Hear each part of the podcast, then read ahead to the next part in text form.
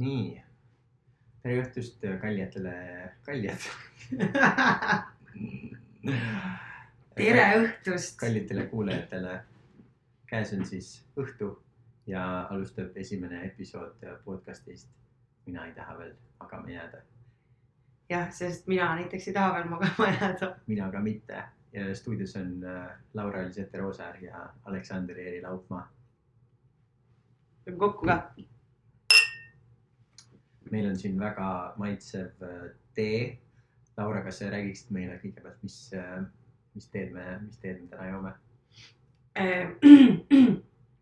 Ajurveeda tee. see, see verele mõjub väga hästi.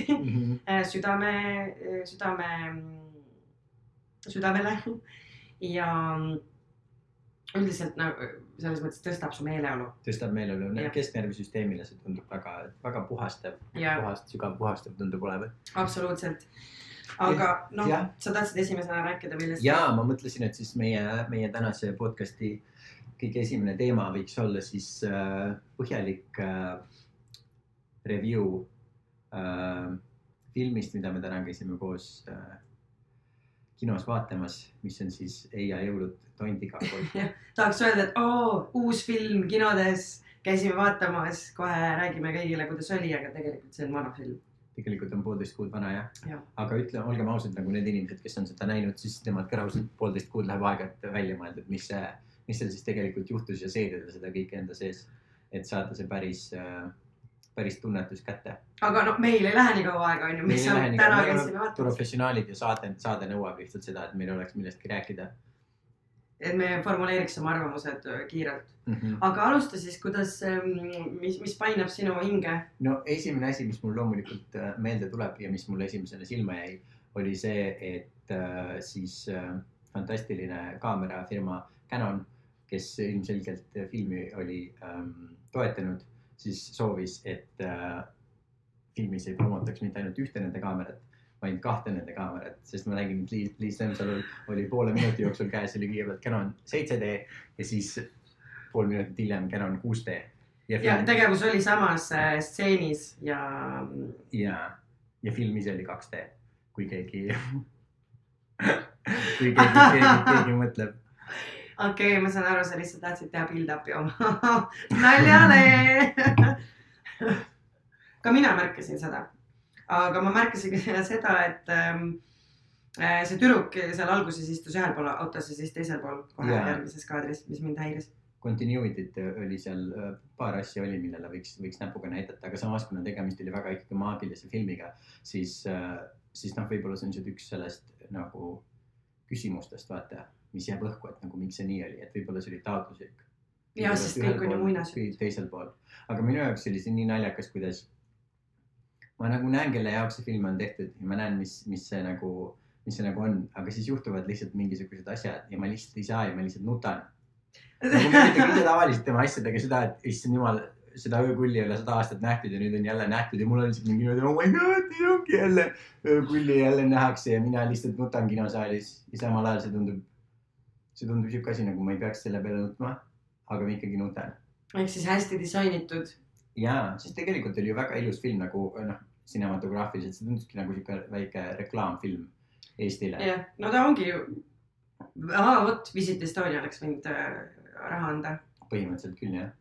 uh,. noh, ta ongi ju nagu muinasjutt on ju selles mõttes, et eh, paljud arvustused, mis ma olen lugenud, viitavad sellele, kui no ütleme nii, et mul on jäänud mulje, et inimestel on raske aru saada, miks see kõik on niivõrd äh, ilus ja kaunis ja mitte päris uh,. sellepärast ongi, et see on muinasjutt. vot mina mõtlesin seda, et huvitav, kas siis, kui välismaalased seda filmi vaatavad, kas nad mõtlevad, et Eesti ongi siukene, et paned nagu pea aknast välja, siis kõik loomad on korraga sul seal põdrad ja jänesed ja küülikud ja, ja oravad ja, ja kõik asjad on. nojah, ma mõtleks esimese asjana, et nad elavad loomaaias, aga noh, seda filmi vaadates ja, mingis safaripargis. ja, aga see mm,, ma ei tea mm,. Äh, mina ka nutsin, aga ma viimasel ajal nutan üldse palju filmide ajal kinos, mis on veider. võib-olla ma lihtsalt käin selliseid filme vaatamas. ma nutsin siis, kui äh, oli see suur taaskohtumine isa ja poja isa ja vahel. poja vahel jah. et üks asi, mis mulle tundus algusest, lõpus ma hakkasin natukene uskuma, aga algusest peale mulle tundus, et Jaan Rekkorit mängis Jaan Rekkori äh, lihtsalt imitaator, mitte Jaan Rekkor. sellepärast ma ei tea ma ei tea, miks mul siuke tunne oli, mul lihtsalt siuke tunne, et see ei ole Jaan Rekkor, see on lihtsalt keegi, kes teeskleb, et on Jaan Rekkor. aga siis lõpus mul oli see, et okei okay,, see on Jaan Rekkor. ja lõpuks hakkasid uskuma. ja, aga ma siis ka nutsin, mis oli väga naljakas, mul lihtsalt Priit, Priit Võigemasti peale nutmine, ma mõtlesin, et see on niuke kummaline, kummaline asi. kummaline episood näen oli. Priit Võigemasti kuuse kõrval ja lihtsalt ei saa muud moodi kui, kui pisar tuleb silma aga väga mm, excited olid nad kogu aeg kõigi üle. me, läheme sinnapoole. oh my god, see on nii lahe. mina ei mäleta, kas mina olin ka lapsena kogu aeg nagu nii excited, kui midagi oli. aga vähemalt, mis, mis oli ja see on võib-olla kõlab natukene negatiivselt, kuigi selle filmi kohta see on positiivne. mulle lihtsalt meeldis see, et päriselt mängiti hästi, sest viimane film, mis ma nägin, mis oli nagu lastele suunatud niimoodi Eesti film, eks ole, mis oli ka väga-väga ilusa cinematograafiaga, oli see mm, Supiline salaselts. issand, see oli, okei okay,, sa ei ole seda Seltsimees last näinud jah? ei, seltsimeest last ma ei ole näinud, aga su, supiline salaseltsis oli see, et see nii häiris mind, sest need äh, lapsed kõik äh,. No ma ei taha, laste kohta ei tohi kunagi halvasti, halvasti öelda mm. -hmm. aga seal need lapsed olid nii nagu. mitte nii orgaanilised, kui sa oleks soovinud. mitte nii orgaaniliselt, kõik tuli nagu hästi puiselt, puiselt tuli läbi, aga selles filmis oli küll nagu väga-väga tublid olid ja usutavad ja mul ei olnud seda, et nagu. et lõpetage ära, te olete lapsed ja te proovite näidelda.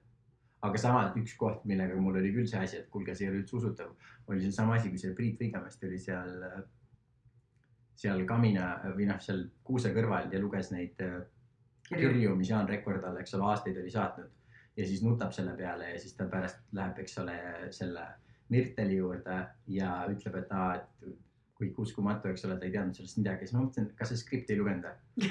sa tegelikult raudselt teadsid, et see on seal. no Priit ei ole äkki nii nutikas. et see tundus mulle siuke näitlemine natukene, kui ta, kui ta seal teeskles, et, et tema nendest kirjadest mitte midagi ei teadnud. ma arvan, sa võiksid kaebekirja saata. ja üks küsimus, mis mul veel tekkis, oli see, et Jaan Rekkor rääkis mingisugusest fantastilisest Ellenist, kes on tema hingesugulane ja kus, kus oli Ellen, mis Ellenist sai, kust Ellen tuli, kuhu Ellen läks, mitte ühtegi sõna Elleni kohta. Ellen oli ju seal filmis olemas. kes see Ellen oli? Ellen oli tema naine. tal ei olnud ju naist. oota, kas see oli hoopis selle teise mehe naine? ja Tõnu selle aa, see oli Tõnu Oja naine. ja Tõnu Ojanaine oli seal. aga Ellenit ei olnud lihtsalt, ütles, et oo ta leidis Elleni hingesugulane, super, lähevad koos metsa elama. kus Ellen järsku on, kas ta lihtsalt lõigati filmist välja või nad tahtsidki, et jääks siuke nagu suur müstika? kuule, aga tõesti, ma ma kogu aeg mõtlesin, et äh, no vaata, naistel nii marginaalsed rollid igal pool onju. jaa, et mulle tundus, et see on tema naine, aga vist tõesti siis ei olnud. ei ta elas ju teises majas koos Tõnu Ojaga.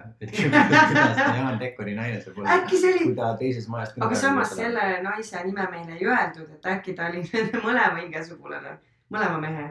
vabalt võib olla ka, sest nad tundusid väga vabameelsed igatahes. no kogu aeg käisid teineteisel seal külas ja elasid seal teineteisel ja, aga see mm,, no mis mind natukene häiris, oli ka see ingliskeelsed subtiitrid, sest ma ei saanud silmi neid eemale hoida ja siis ma Mhm. nägin, kui palju asju oli valesti tõlgitud. või siis lihtsalt olid kirja, hästi tavalised nagu kirjavead Mhm. või niimoodi, et nagu eesti keeles karakterid rääkisid, siis oli loogiline, mis nad ütlesid siis sa loed subtiitreid. ja siis mõtled, issand, vaesed välismaalased, kes mõtlevad, et nagu eestlased räägivadki poolik, poolikute lausetega ja siis ei, lõpuks ei ütle, mis nad, mis nad, mis nad mõtlesid. No sama lugu on selle taabimisega, see treiler, mis me, Wreck-It Ralphi teise osa treiler, mida me enne filmi nägime, kus see lõpuhukk, mis on treileri lõpus, ei toiminud üldse, sest see oli Mhm. tõlkes kaduma läinud, kuna see oli dubleeritud eesti keelde. jaa. aga noh, ameeriklastelt me ootame sellist asja, aga nagu Eesti, Eesti, Eestis me ikkagi ootame kvaliteeti ja ootame, sest Eestis on väga-väga häid tõlkijaid. nagu, kes tõlgivad väga hästi. no jaa, aga produtsent tahab ka uut autot. kõik raha ei saa niimoodi vaestele ära jagada ja siis ma ei tea tegeleda sellega, aga Jaanus ütles mulle pärast veel, et see oli siis eelmise aasta kõige vaadatum film äh, Eesti kinodes, et ta läks isegi klassi kokkutulekust äh, mööda. sest kas klassi kokkutulek kaks tuli välja eelmine aasta või? okei okay., ja nüüd siis täna tuli kolmas välja. kolmas. tubli. Kvaliteet ikka tuleb niimoodi nagu naks, naks, naks, naks, naks, naks, naks. noh, vaatajad tulevad igatahes. jaa. aga, ja issand, see oli minu jaoks nii naljakas, ma keerasin ka sinu poole, siis ma otsustasin, et ma ei räägi sellest äh,. kui tuli see filmi tiiter tuli alguses mm. -hmm. ja siis tuli see ingliskeelne tõlge ja siis ma mõtlesin, mis asi see on. ja siis mul läks natuke aega mööda, et mõelda, et aa, okei okay,, Tondi kakk tegelikult on küll Phantom Owl. Aga meil oli seesama hetk, mul oli seesama hetk juba, lugesin seda mõtlesin, et see kõlab äh, või mitte õigesti, väärakalt, aga ja ei, ma mõtlesin et lihtsalt, et te mõtlesite lihtsalt uue jah, nagu nime filmile välja inglise keeles ja siis ma sain aru, et aa, okei okay., keegi ütleb mulle Tondi kakk, ma ei mõtle kordagi ei Tondi ega ka kaku peale mm. -hmm. ma lihtsalt mõtlen Tondi kakk, aga samas me ei kontrollinud üle, kas see on päriselt äh, eksisteeriv äh, jah, see. lind ja kas see on nagu inglise keeles on või nad mõtlesid ise selle tõlke välja, sest et võib-olla sellist lindu ei olegi inglise keeles olemas. ma usun, et aa, kes teab jah. samas, kas kakud on üldse, okei okay,, mul ma- pea plahvatab, kas kakud on üldse linnud? on, on ju, nad ei ole, jaa, ma usun küll jah, välja arvatud need kakud, mis nad seal filmis äh,, filmis tegid, need ei ole linnud, kuigi nad võivad linnulihast olla mm. no loodame, et ei olnud. kui palju, kui palju sulle tundus, et need äh, loomad olid sinna äh, ar- arvuti poolt äh, peale genereeritud? Minu arust oli ainult see põder. see üks must veider põder, eks ole Jah., kes oli see sebra, sebra moodi põder. mulle Jah. tundus ka, et, et tema, tema oli, aga siis mõned need kaadrid selle halli öökulliga mulle tundusid ka, et see kas nagu. aga äkki olid, sest et äh, kus nad või kui see ongi päriselt äh, ohustatud liik ja seda on Eestis väga vähestes kohtades äh, näha, seda lindu mm,, siis võib-olla Ants ei jõudnud ära oodata, et see kakk maa, maabuks ja siis nad pidid selle tegema arvutiga, kuna see võtmetegelane, aga siis sellisel juhul ma ei saa ikkagi aru, miks nad selle, et kas see põdra stseen oli niivõrd oluline, sest et see kuidagi, see oli nähtavalt. ja ma mõtlen ka, et siis selleks hetkeks, okei okay,, te olete piisavalt palju näidanud juba Eesti loodust ja Eesti loomi ja kõiki neid asju. et kas üks põder nagu ette või taha yeah., kas see on nii oluline, et on vaja seda nagu fake ida või ma mõtlesin, et äkki see lihtsalt päriselt nägigi nii veider välja, et äkki see põder oli see. ei, ma arvan, see oli ikkagi fake. ja, pluss tegelikult noh, sest selles mõttes see stseen oli ka ebaloogiline, et see. võib-olla ei ole tegelikult. ma, see põder oleks pidanud olema selles mõttes ju kartlikum, ta ei vaata inimesele otsa ja ei ole joke'i. loomad kardavad inimesi. no aga nagu... keegi oli teda kunagi päriselt filminud selles mõttes. põder ise oli ju päris, ta oli nagu lihtsalt oli või? ja, ja, ja nagu ma arvan, et põder ise oli päris, aga ta oli lihtsalt sinna topitud. aa, okei okay., mulle tundus, et ta on üleni arvutiga tehtud. tundus või? okei okay., no samas mul on see, et vaata, kuna ma väga midagi ei tea, siis ma tihti eksin siukeste asjadega. samas mul võisid olla silmad pisaraid täis ka, et ma. ja oli udune kõik. üks nendest kurvematest hetkedest. aga jälle ja teine asi, mis, mis mul oli selle, mis mul oli selle kakuga, oli see, et on kaks võimalust, üks võimalus on see, et kas mingisugune kaamerameeskond oli lihtsalt hästi kaua aega metsas ja nagu teadis, kus see koht on, kus seda kakku võib näha ja siis mm. -hmm. lampi nagu filmis teda. et täpselt saada neid kaadreid, mis vaja oli, sest need nagu sobi-, noh, Eh, see, või selles siis- mõttes see oli küll nii, Või- neil oli eraldi äh, inimene äh,. noh, kuna Sass meil siin ei ole Eestis elanud kogu aeg ähm,. Ants Tammik, kes tegi väga suurepärase dokumentaalfilmi mõned aastad tagasi. Ma arvan, et selle nimi oli Habras maailm, mis oli väga toredalt üles ehitatud niimoodi, et seal oli siis äh, äh, kaadrid rabast ja siis äh, vaheldumisi kaadritega turba kaevandusest, mis, mida turvast me saame siis ju rabast, onju. siis ma mõtlesin, et on teistpidi, ma mõtlesin, et raba saab turbast. meil Valdorf koolis küll et Igatahes. selle jaoks, et rabasid ehitada, tuleb lihtsalt turvast turvast, koguda ja siis, ja siis saab raba kokku panna. aga igatahes jaa, oli siis see eraldi inimene Ants Tammik, kes äh, tegeles ainult nende loomade filmimisega. okei okay,, aga siis ma mõtlesin, teine asi, mis ma mõtlesin, võib-olla sa juba vastasid sellele, oli see, et kas nad lihtsalt lootsid seda lindu näha või siis neil oli päriselt nagu linnutreener, vaata, kes tegeleb kakkudega, sest nendel kakkudel tavaliselt vaata on need professionaalid, kes mm. -hmm. kellel on see äge kinnas ja värk-särk, kes on see, et mine lenda nüüd sinna ja tee siukest nägu, nagu sa oleksid sada aastat kadunud olnud. selles mõttes ta, see kakk nagu näitles väga hästi, ta oli täpselt siuke, et nagu oo, mina uskusin, et ta sada aastat ei ole olnud. Eh, vot see on tegelikult väga hea küsimus, ma ei mõelnudki, et seal võis olla mingi kakutreener. aga sest, sest vaata, see laps ütles, see teine laps, kes, ma ei mäleta, mis selle poisi nimi oli. ta ütles seda, et, et see kakk, eks ole, teda ei ole sada aastat olnud seal. Mhm. aga see ei saa seesama kakk ju selles mõttes olla, kakk ei ela saja aastaseks ju. Samas oled sa kindel, oled sa Nagu- uurinud ei, kohta ma ei ole, ma ei ole kindel, aga ma pakuks, et nagu mingi nelikümmend on nende nagu maksimum eluiga. jah, võib-olla, ma arvan, võib-olla tegelikult isegi vähem. ja sest vot see mul nelikümmend tundub, eks ole, palju linnu jaoks, aga minu arust ma olen mingisugusel hetkel äh, lugenud nagu nende äh, uhkemate lindude, mis nende maksimum eluiga võib olla ja minu arust see ulatub nagu mingisuguse paarikümne, paarikümne aastani. okay., ikkagi võin eksida. No paarkümmend on muidugi kakskümmend, mitte nelikümmend No, paar tähendab kaks. no paar on selles suhtes, neli on kaks paari lihtsalt. minu jaoks paarkümmend aastat lihtsalt tähendab midagi, mis on paarisarv ja siis jah, aga see ei, see ei, see, see, see ei ole õige, sest see ei ole okei õige okay,, ma võin eksida, ma olen, ma olen väga okei sellega, kui see on nagu suured tänud, nii ei tohi öelda. suured tänud. jah, tänu ei, tänu ei saa olla mitmuses. sa ei saa vastata palunid. Okei okay,, ma, yeah, I see your point, aga siis on samas inimesed ütlevad nagu kuuekümne viie kohta juubel ja siis mul on see, et lõpetage ära see jama. okei, tegelikult palju rohkem häirib mind see, kui inimesed äh, kirjutavad ja jätavad tühiku enne lause lõpumärki. see on täiesti, mul läheb nii errorisse. no sellest ma ei hakka rääkimagi, need, nende tekste ma ei loegi. Ja aga. Edasi sellest kohast.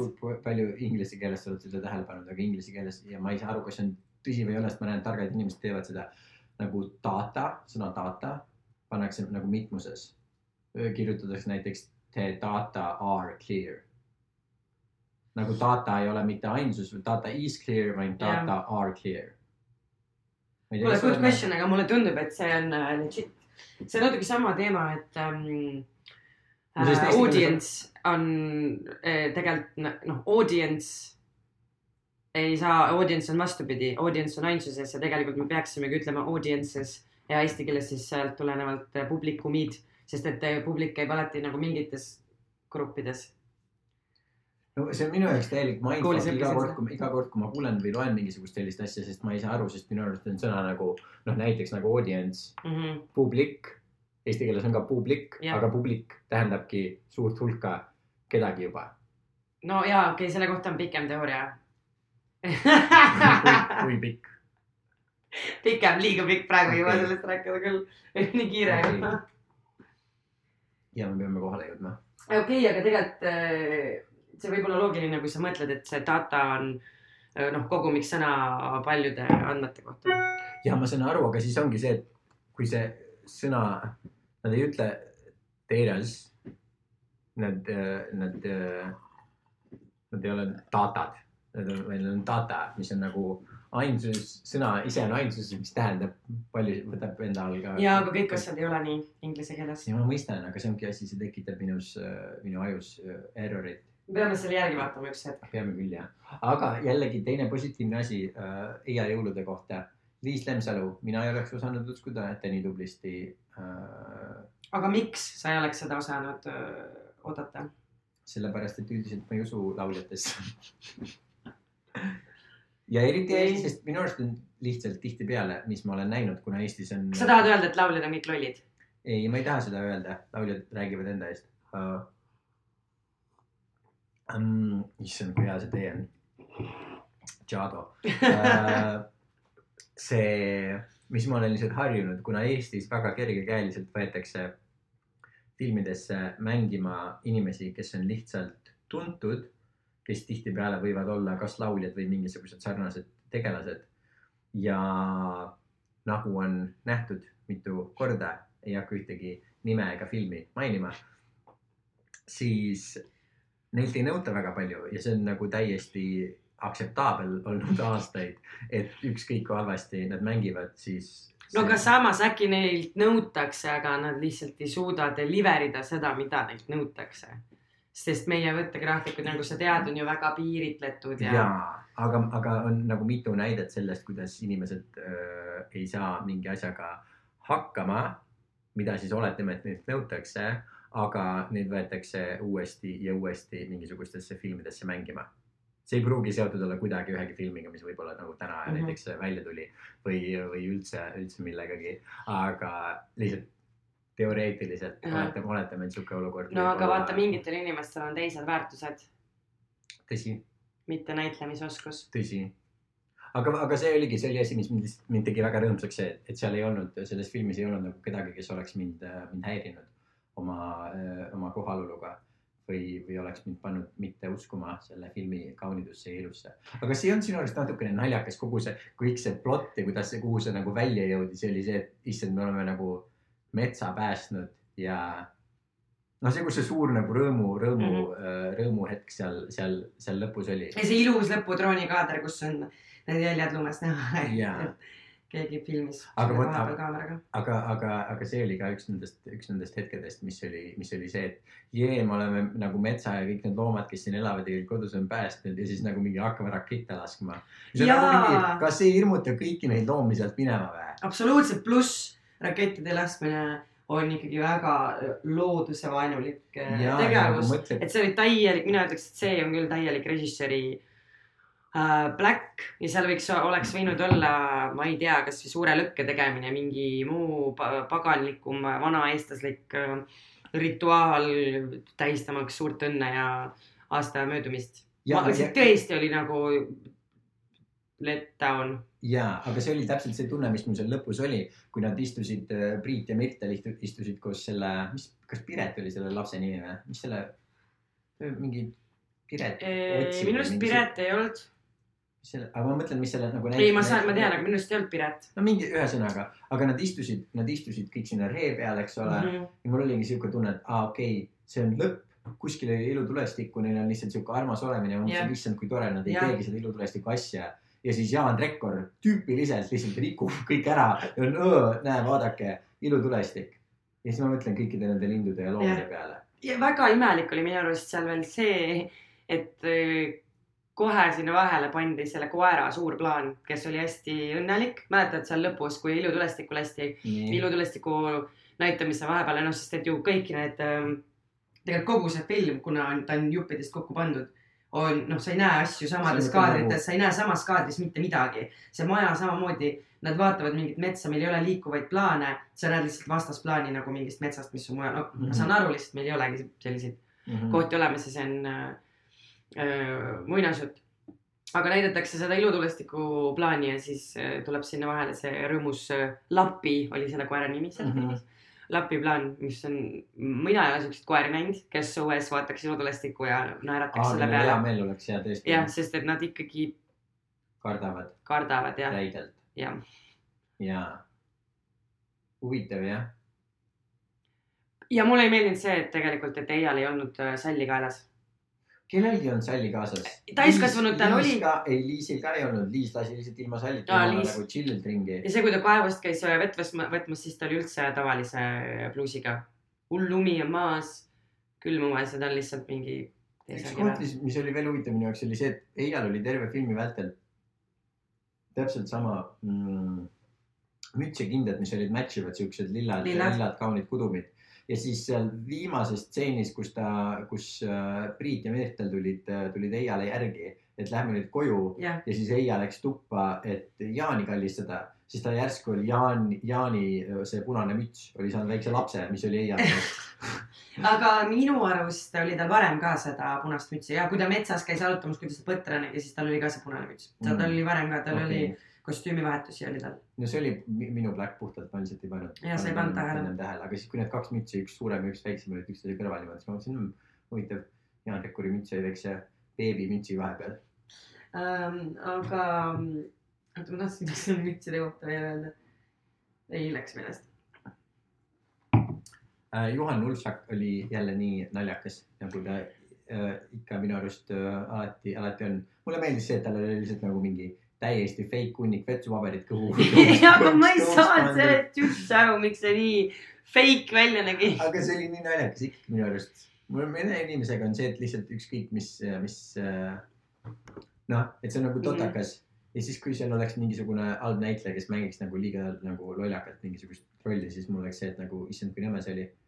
aga Juhan Ulfsak, tema mulle alati nii meeldib, ükskõik mis ta teeb, mul on alati nii tore. aga all in all, kuna tema oli antagonist selles äh, filmis, siis tema liin minu arust oleks võinud, mitte et ta ei olnud äh, välja arendatud, aga temast tulenevat ja tema käitumisest tulenevat pinget oleks minu arust võinud olla rohkem hullult oleks saanud kruttida küll ja. ja, ja ikkagi, et seal oli see stseen, kus ta püssiga metsas ringi käib, et, et neid hetki oleks tegelikult võinud olla rohkem, et et siin mõned on vastu vaielnud, et, et selline see film peabki olema, et ta on selline lääne-euroopalik jõulufilm ja noh, et praktiliselt midagi ei juhtu. aga noh, tegelikult oleks võinud juhtuda rohkem, pinget ja oleks võinud olla rohkem. lihtne oleks saanud olla, see oleks nii lihtne olnud teha et kuidas, kui see luurab kuskil puu taga ja Aia pikka aega ei näe teda ja peidavad üksteist või nagu noh. Ja mingis mõttes teda- komöödiat oleks saanud teha, pinget kõike oleks saanud tegelikult rohkem teha. jah, ja võib-olla isegi teha, et mingis mõttes ta kurjemaks, et võib-olla ta seal olekski kellegi maha lasknud, onju.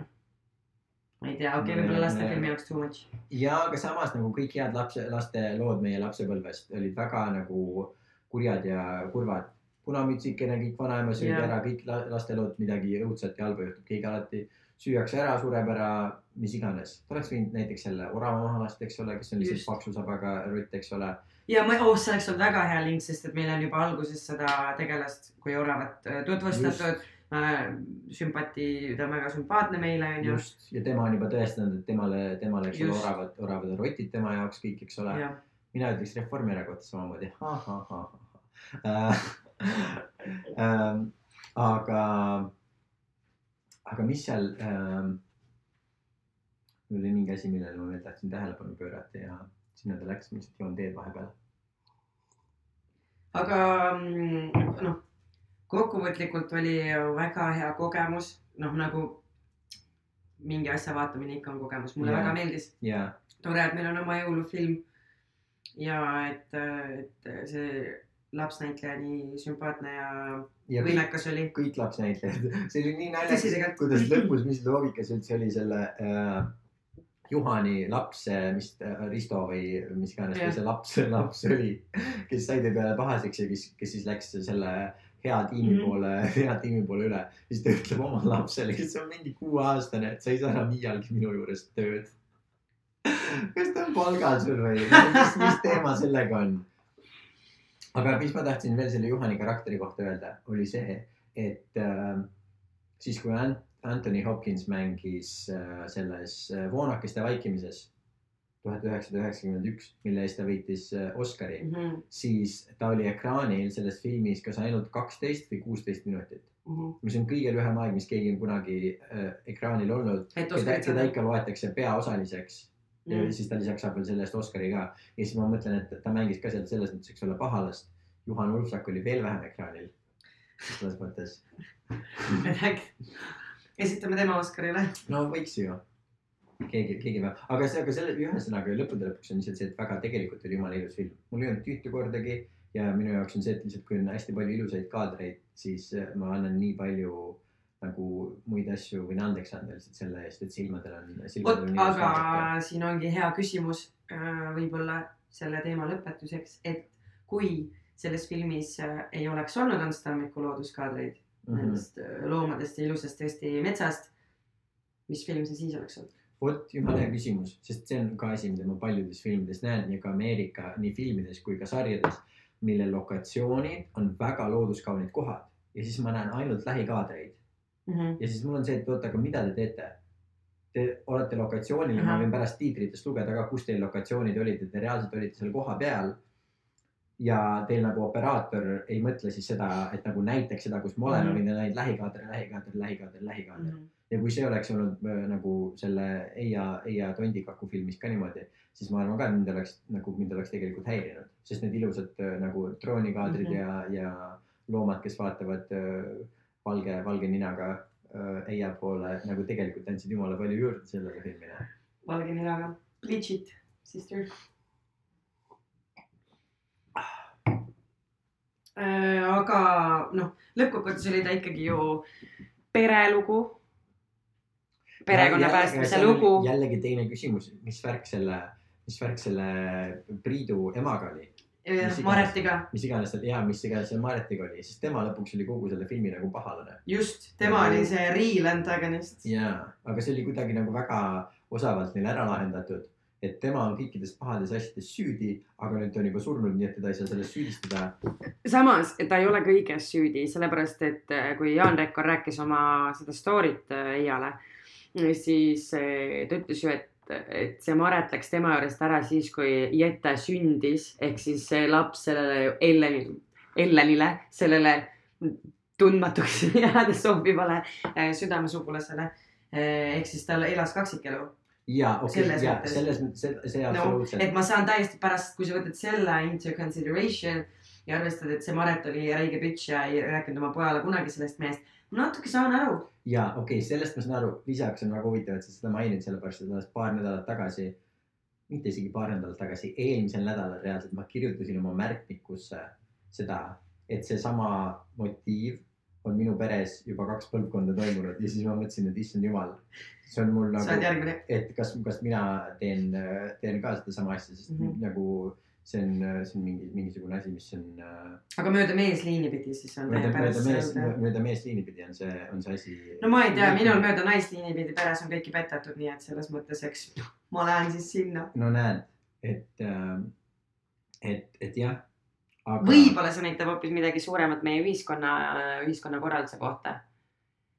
et äh, on, see on palju aktsepteeritavam ja seda lihtsalt noh, kuna see on palju aktsepteeritavam, siis seda juhtub palju rohkem. et äh, meesterahvad on pigem need, kes elavad kaksikelu ja oma äh, perekonna jätavad.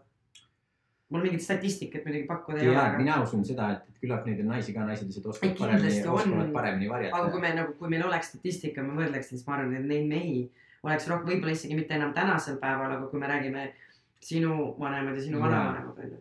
ja, sest see on neile olnud nagu nemad saavad pääseda sellega, kus see naine, naine pääseb, eks ole, kui tal, tal midagi ei ole. aru saada, aga samas siis mina ka siis mõtlesin seda, et nagu mis see Jaan, eks ole, Eiale rääkis ka, et ma kaks aastat iga kuu kirjutasin oma kümneaastasele lapsele, kes elab koos emaga.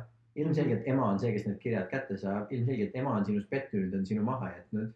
Mhm. kas ei tule sulle kordagi pähe, et võib-olla ema ei näita ta või nagu, kui ta saadab need kirjad lugemata tagasi. kas tal on siis see, et ma näitan nüüd kümneaastasele lapsele, kümneaastane laps on issi, issi, issi ja siis on nagu mingi, ei, ma ei taha nagu seda näha.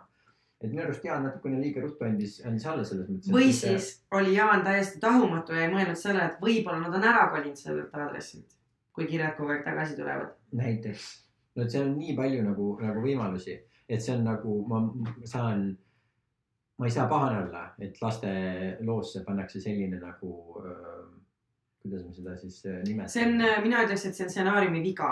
ma ei ütleks viga, aga see on No nagu on. laisalt, laisalt mõeldud, et see on nagu liig-, nii nagu äh, lihtsalt äh, noh, läbinähtav selline koht, et siia peab pressima mingisugune. no just ei, ei ole, stsenarist ei ole läinud öö, süvitsi või siis on see, et ei ole olnud öö, korralikku skriptdoktorit ja neid inimesi kes vaataks selle üle, et kuule, see nagu tuleb, vajab ja arendamist. no siukseid kohti oli, siukseid kohti oli veel, mis oli lihtsalt nagu see, et me peame jõudma selle hetkeni, paneme siia selle lause, mis oli näiteks see, kus, kus äh, Liis Lemsalu äh, ütles, et Jete, vabandust, Mhm. jumala tore nimi by the way, mulle meeldis tore nimi, Jette jah. on vahva nimi.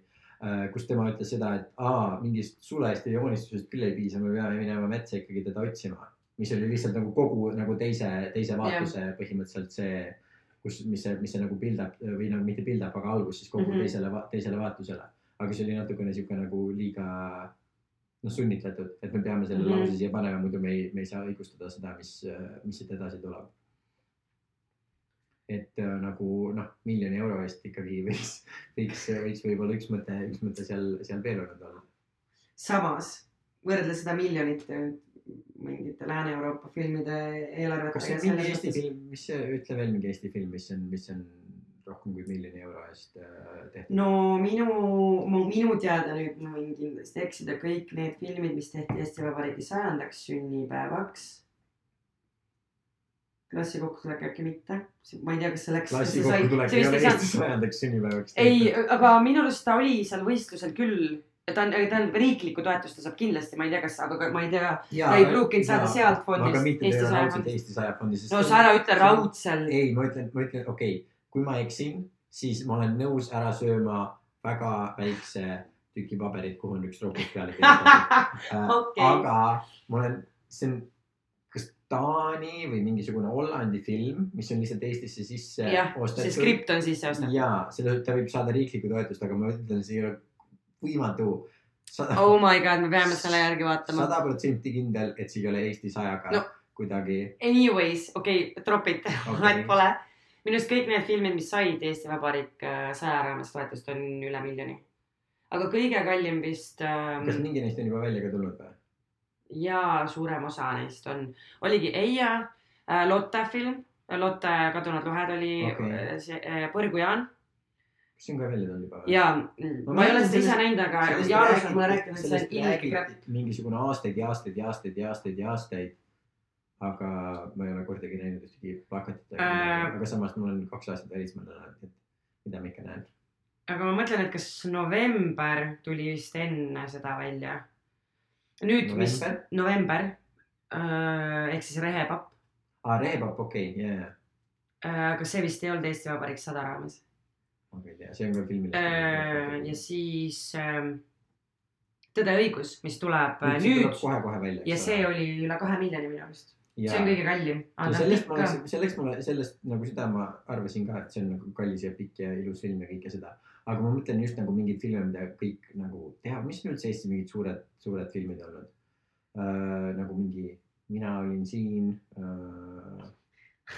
see oli lihtsalt sellepärast, et sa ise mängisid seal. see ei olnud nagu väga suur ma ei mänginud Mina olin. aa, ei, sa mängid seal mingit null laps aga. mina olin siin, kas see oli nii suur nagu? ei, ma, ma, see oli ainult esimene asi, mis mulle pähe tuli, nagu mingi film, mida reaalselt inimesed käisid nagu vaatamas, mis on nagu see, et nagu klassi kokkutulek, inimesed ei käi, kui, kui Eesti film, mis on minu, issand see nagu. mis klassi kokkutulekut tähendab, mis need, nende, need numbrid on või?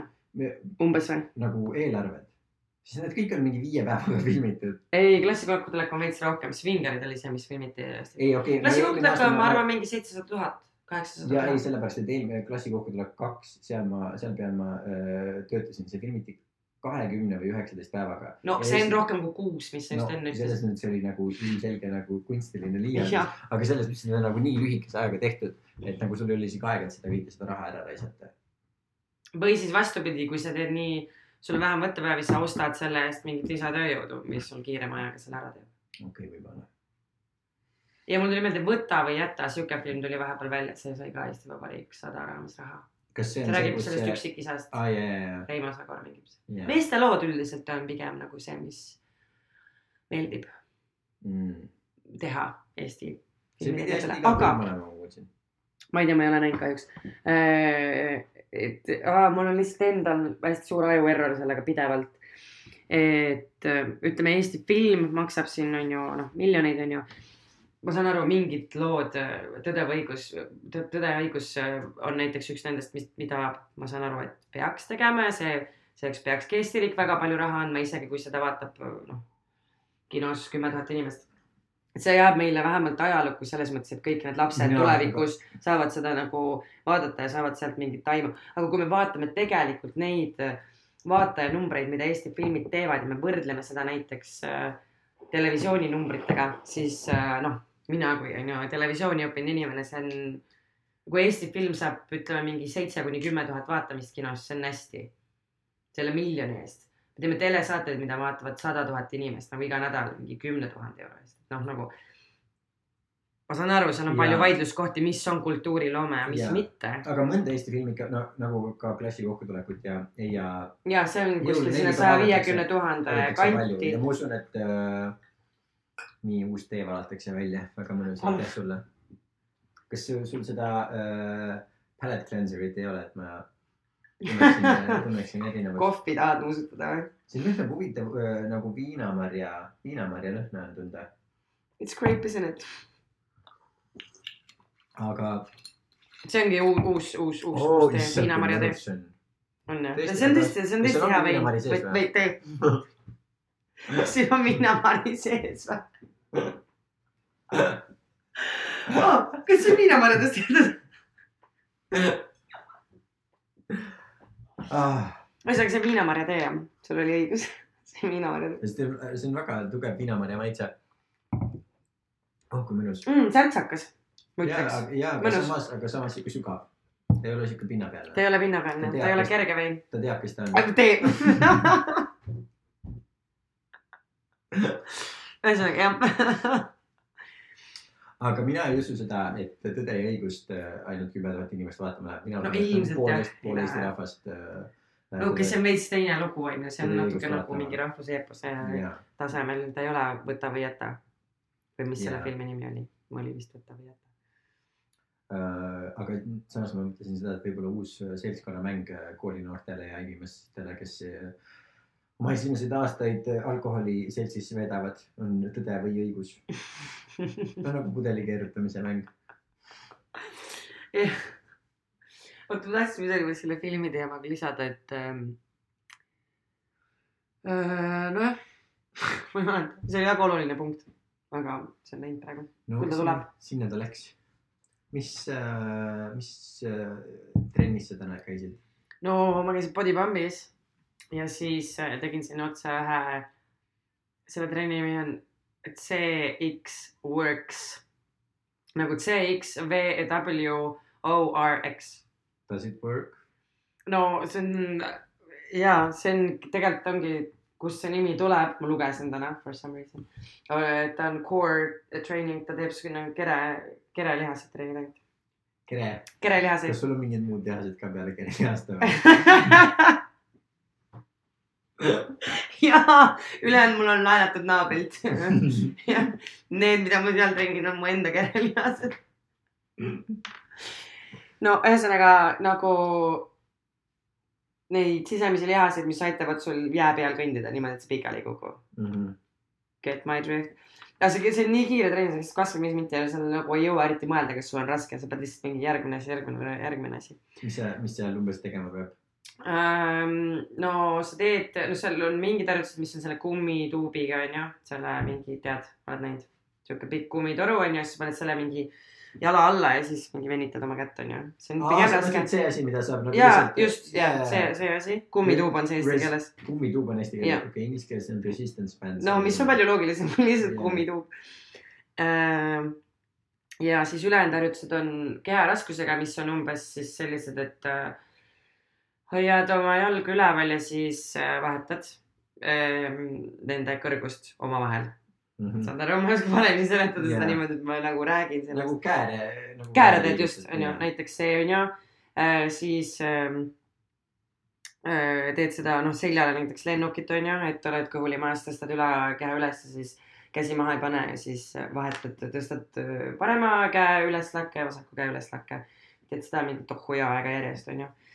Näiteks ma lihtsalt mõtlen, mis mul praegu äh, meelde tuleb ähm,. siis peamiselt on jah mingi kõhu ja küljelihastele mingid harjutused niimoodi, et sa mingi jalgadega pead seal vehkima plankingut on hästi palju um,. ja siis neid mingeid küljeharjutusi, kus sa pead olema küljeplankis ja siis vehkima oma jalgade kätega. aga kontsentreeritult niimoodi, et sa kontrollid oma keha, mitte ei vehine. vehi tegelikult oma jäsemetega ringi. See on okay. pigem keeruline ja, või mitte keeruline trenn, aga nagu raske minu jaoks küll, ma ei ole väga tugev ka.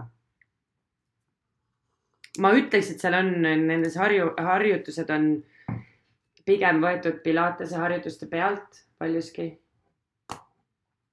kui me nüüd lähme niimoodi trenni ajalukku ja nii, siis ma arvan, et see nagu tuleneb sealt. Body works või? ei, CX Works CX works ehk. siis see CX on siis mingi core training, eks something, something, kõlab väga loogiliselt. jah. ma käisin enne selle Les Millsi kodulehel ja lugesin nende trennide kohta.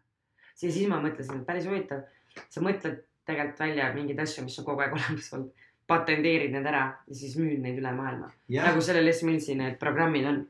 kas sa tead seda, et Apple tahtis ju ära patenteerida There is an app for that ja sõna Apple. okei, kuidas neil läks sellega? äh, ei läinud hästi. Kumbagi ei saanud? Nad, nad ei saanud mitte kumbagi jah.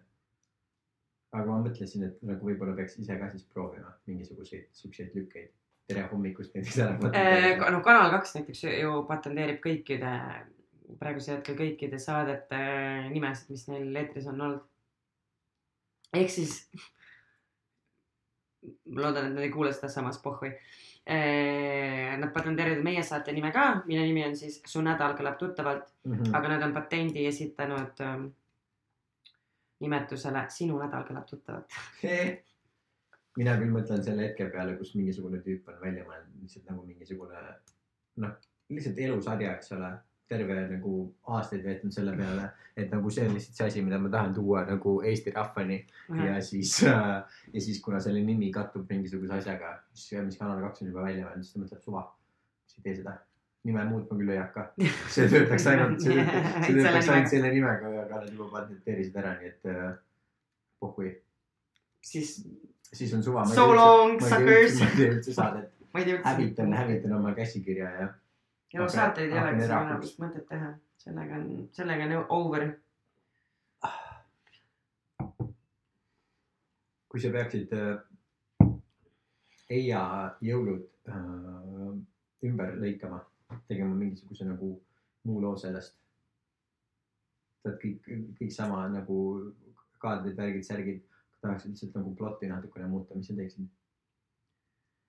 Samad kaadrid ja värgid, aga muudan plotti või? ei, just, eks ole, kui sa saaksid lihtsalt võtta sama materjali, aga lihtsalt nagu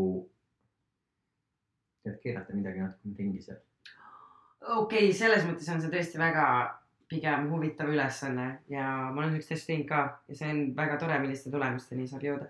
ma ikkagi, oota ainult sama materjal on, mida me filmis nägime või? no põhimõtteliselt nagu, kui sa oled teadlik veel nagu mingisugustest kaadritest, mida nad kindlasti mm., kindlasti üles võtsid. No ma ikkagi, ma nüüd nagu tahaks sulle anda No no, see- parema vastuse, aga ma üritaks siis kruttida seda pinget selle Johan Ulsakiga. võib-olla ma, ma ei tea, rapiks seda rohkem tükkideks, kasutaks neid, ma ei tea, seda metsas käimist ja neid harvest, noh, et tuua seda pinget sinna juurde. võib-olla lihtsalt, kui seda nagu tükeldada veits rohkem lahti et äh, vahepeal mul oli selline tunne, et hästi pikalt meil üldse teda ei näidatud, et kasvõi mingi reminder, et see paha tegelane, antagonist on olemas siin mm., -hmm. piilus kuskilt akna tagant või no ma ei tea, või, Või me näeme seda, kuidas ta seda äh, kakku käib seal otsimas või noh, okei okay,, seda me nägime selle püssiga, aga no seda oleks ainult kümneks, kümneks erinevaks kaadriks Just. lõigata. et seda ma teeksin Näed pool sekundit, näed Jah. Juhan astub, astub väikse sammu ja siis on jälle Eija sööb ja piparkooke. samas nüüd ma mõtlen, et võib-olla oleks äh, nendes kohtades aidanud ka mingi muusikaline teistsugune lähenemine. natuke põnevust, natuke ohtu, et seda aga nad seda Muidu oli väga ilus. väga, väga nagu öö, noh, Okei et ma ei mäleta üldse. Ma ei taha kasutada sõna äh, trafaretne, ma tahan kasutada sõna. triviaalne. mitte triviaalne, ei, ma tahan nagu väga ilmselgelt oli muusikat kasutatud, umbes nagu Tommy ja Jerry nagu äh, multifilmides äh, oli äh,.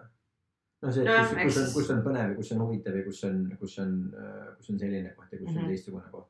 aga see on, ma läksin kohvi võtma röstist, enne kui ma sinu juurde tulin ja kes istub seal? Märt Pius ja siis äh, ja siis ma oleks võinud, samas ma oleks võinud tema käest küsida, et mis värk sellega ikkagi oli, et kas see olid sina või, või Priit, kes selle jättega, jättega semmis. no me kõik teame, et see oli Märt, sest et ne- neil tegelikult on nagu erinevus, kui sa vaatad neid samas kaadris. et noh, selle põhjal me teame, et see oli Märt, aga aga tead, sinu muidugi ei küünd. tead, mis me siis mõtlesime, kuna jällegi ma ei ole Eesti nagu teatri ja filmindusest, ma nagu kõike ei tea, mis siin on viimastel aastatel toimunud.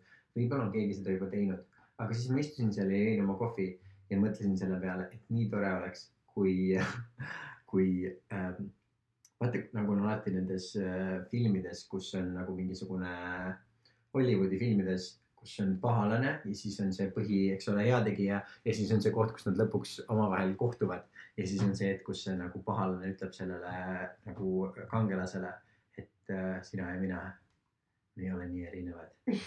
ja siis ma mõtlesin, et keegi võiks Eestis midagi sarnast teha nagu Priit ja Märt Piusiga.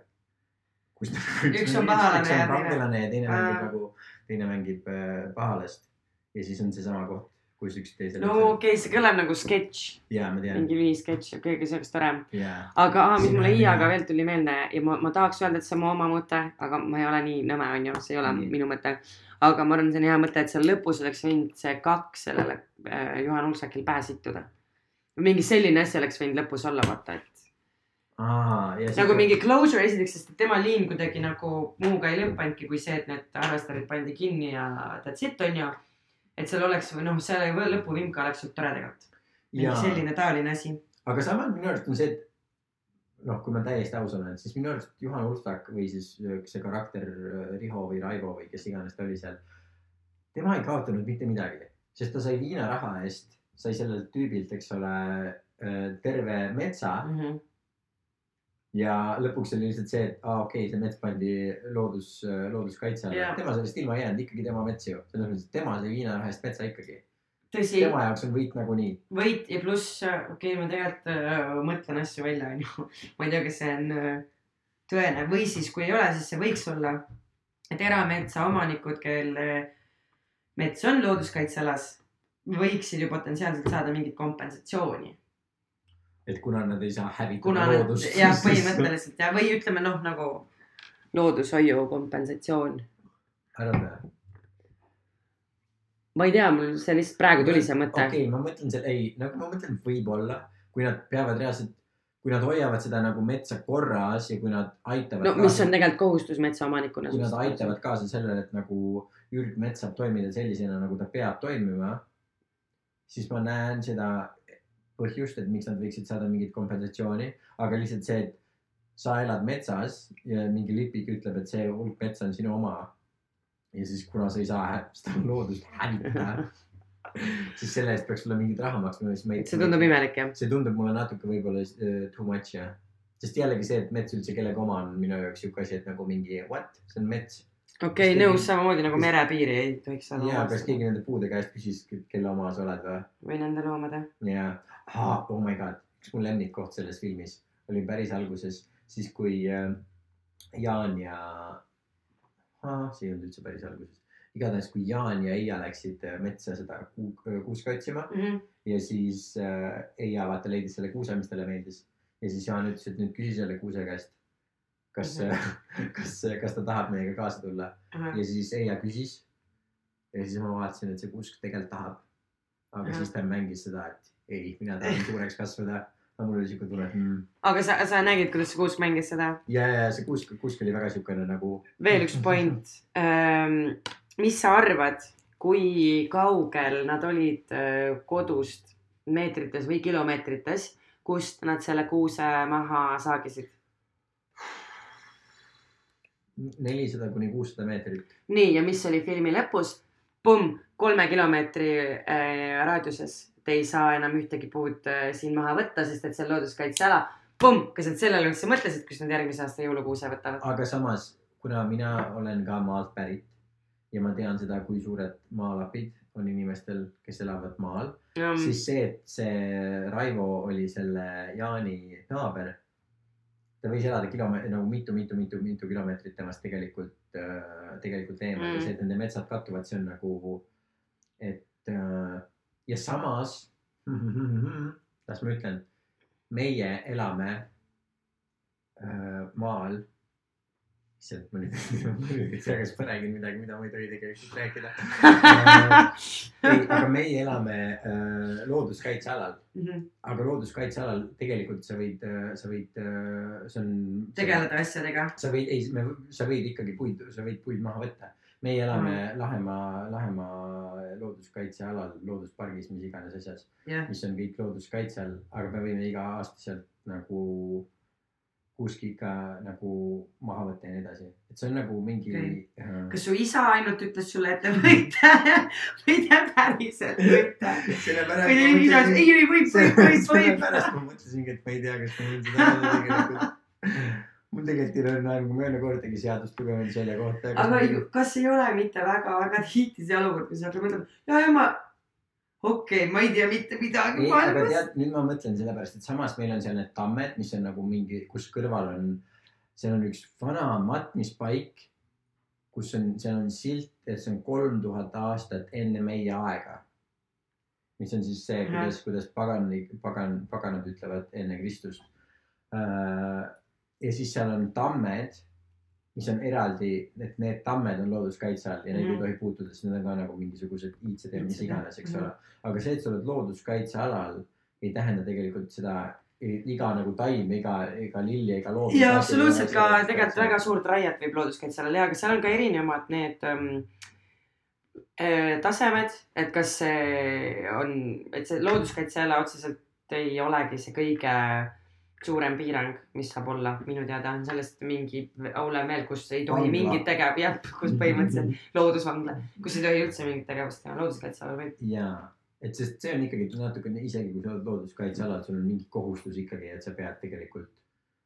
noh, mingeid asju tuleb maha võtta ja mingid noh, et sa pead hoolt kandma selle eest, kus, kus kohas. no ja mingi võsaraie ja nii ja, ja, ja, et ma usun, et see on ikkagi äh, legitiimne, et ma võin seda öelda, et me looduskaitsealal jah, võtame iga aasta ühe, ühe kuuse maha ja loodetavasti keegi ei lähe vangi selle pärast. no loodame. ma pean korra ära käima. ja me võime pausile panna. aga me võime pausile panna ma ka. võin, ma võin üksi. no kuidas sa ise soovid? ma võin üksi äh, edasi rääkida ka aga võime pausi teha ka. nagu, või? nagu pikaajalised teepausi nagu äh, pikaajalised äh, podcast'i kuulajad juba teavad. vabandust, mul on külma pärast kurk natukene kähe. nagu pikaajalised äh, podcast'i äh, kuulajad juba teavad, siis äh, see on meie kõige esimene podcast, nii et pikaajalisi kuulajaid ei saa olemas olla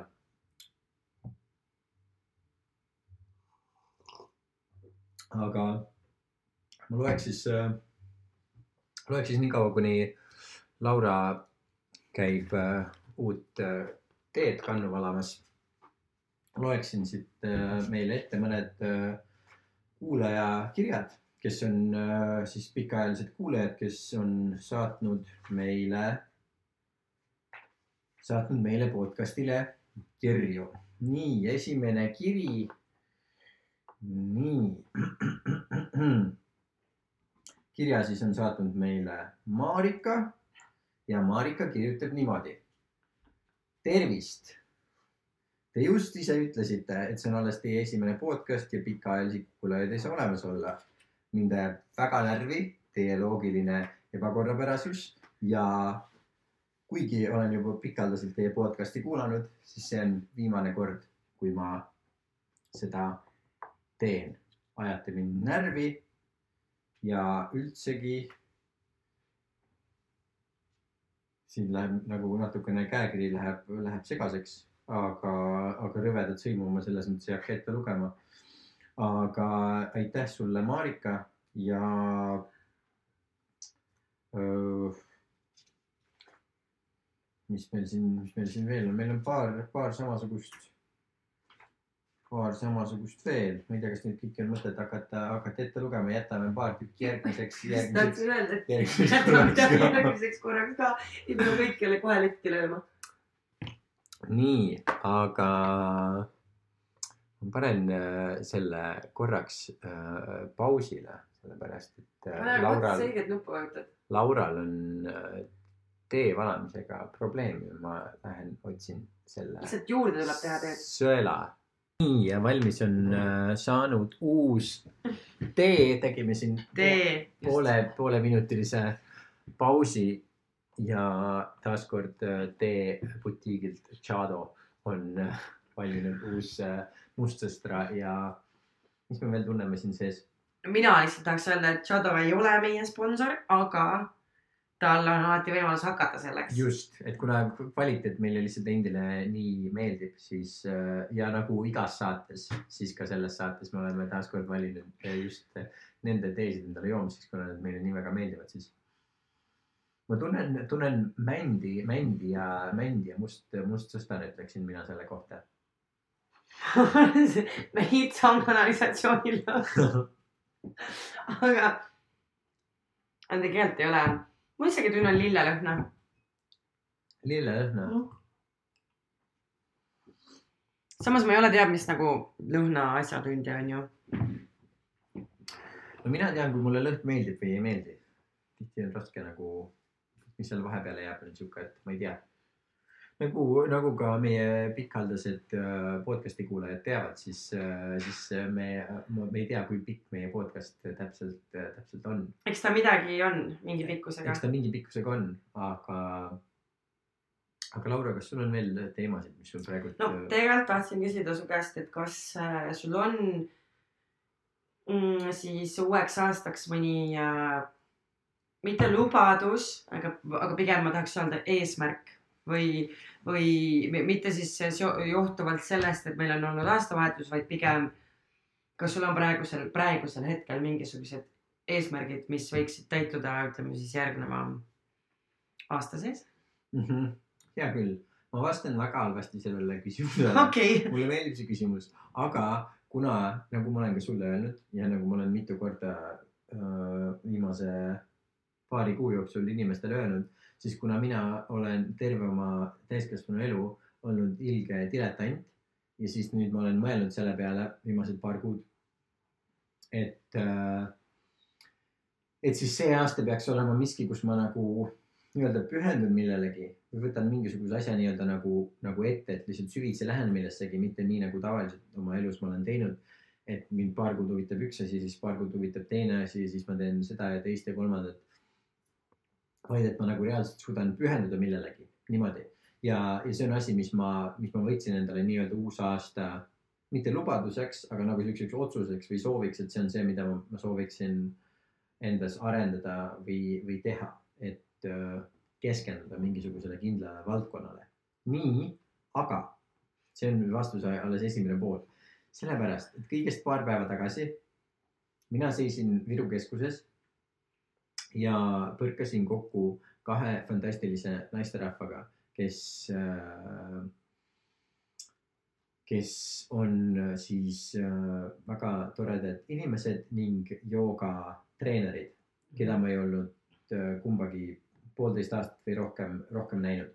üks nendest oli vahepeal saanud lapse ja mina seda last ei olnud näinud, ta oli ühe aasta ja neljakuune ja see oli üks kõige toredam asi, et kui ma nagu armsatele äh, sõbrannadele tegin pikalt kalli, siis see laps seisis oma kombekas seal kõrval ja siis mingisugusel hetkel ajas oma käed laiali niimoodi ja siis tahtis ka mind kallistada.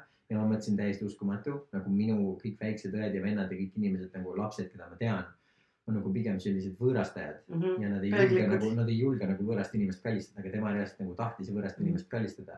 ja see oli, ma ütleks, kõige suurem nagu mingi validation, mis ma olen oma elus saanud, on see, et väike laps lihtsalt oli see, et ma tahan, tahan kallistada seda võõrast, võõrast meesterahvast ja siis me rääkisime natuke aega juttu ja siis selle lapsega või emaga? äh, äh, jooga, jooga, jooga emaga ja siis jooga ema õega.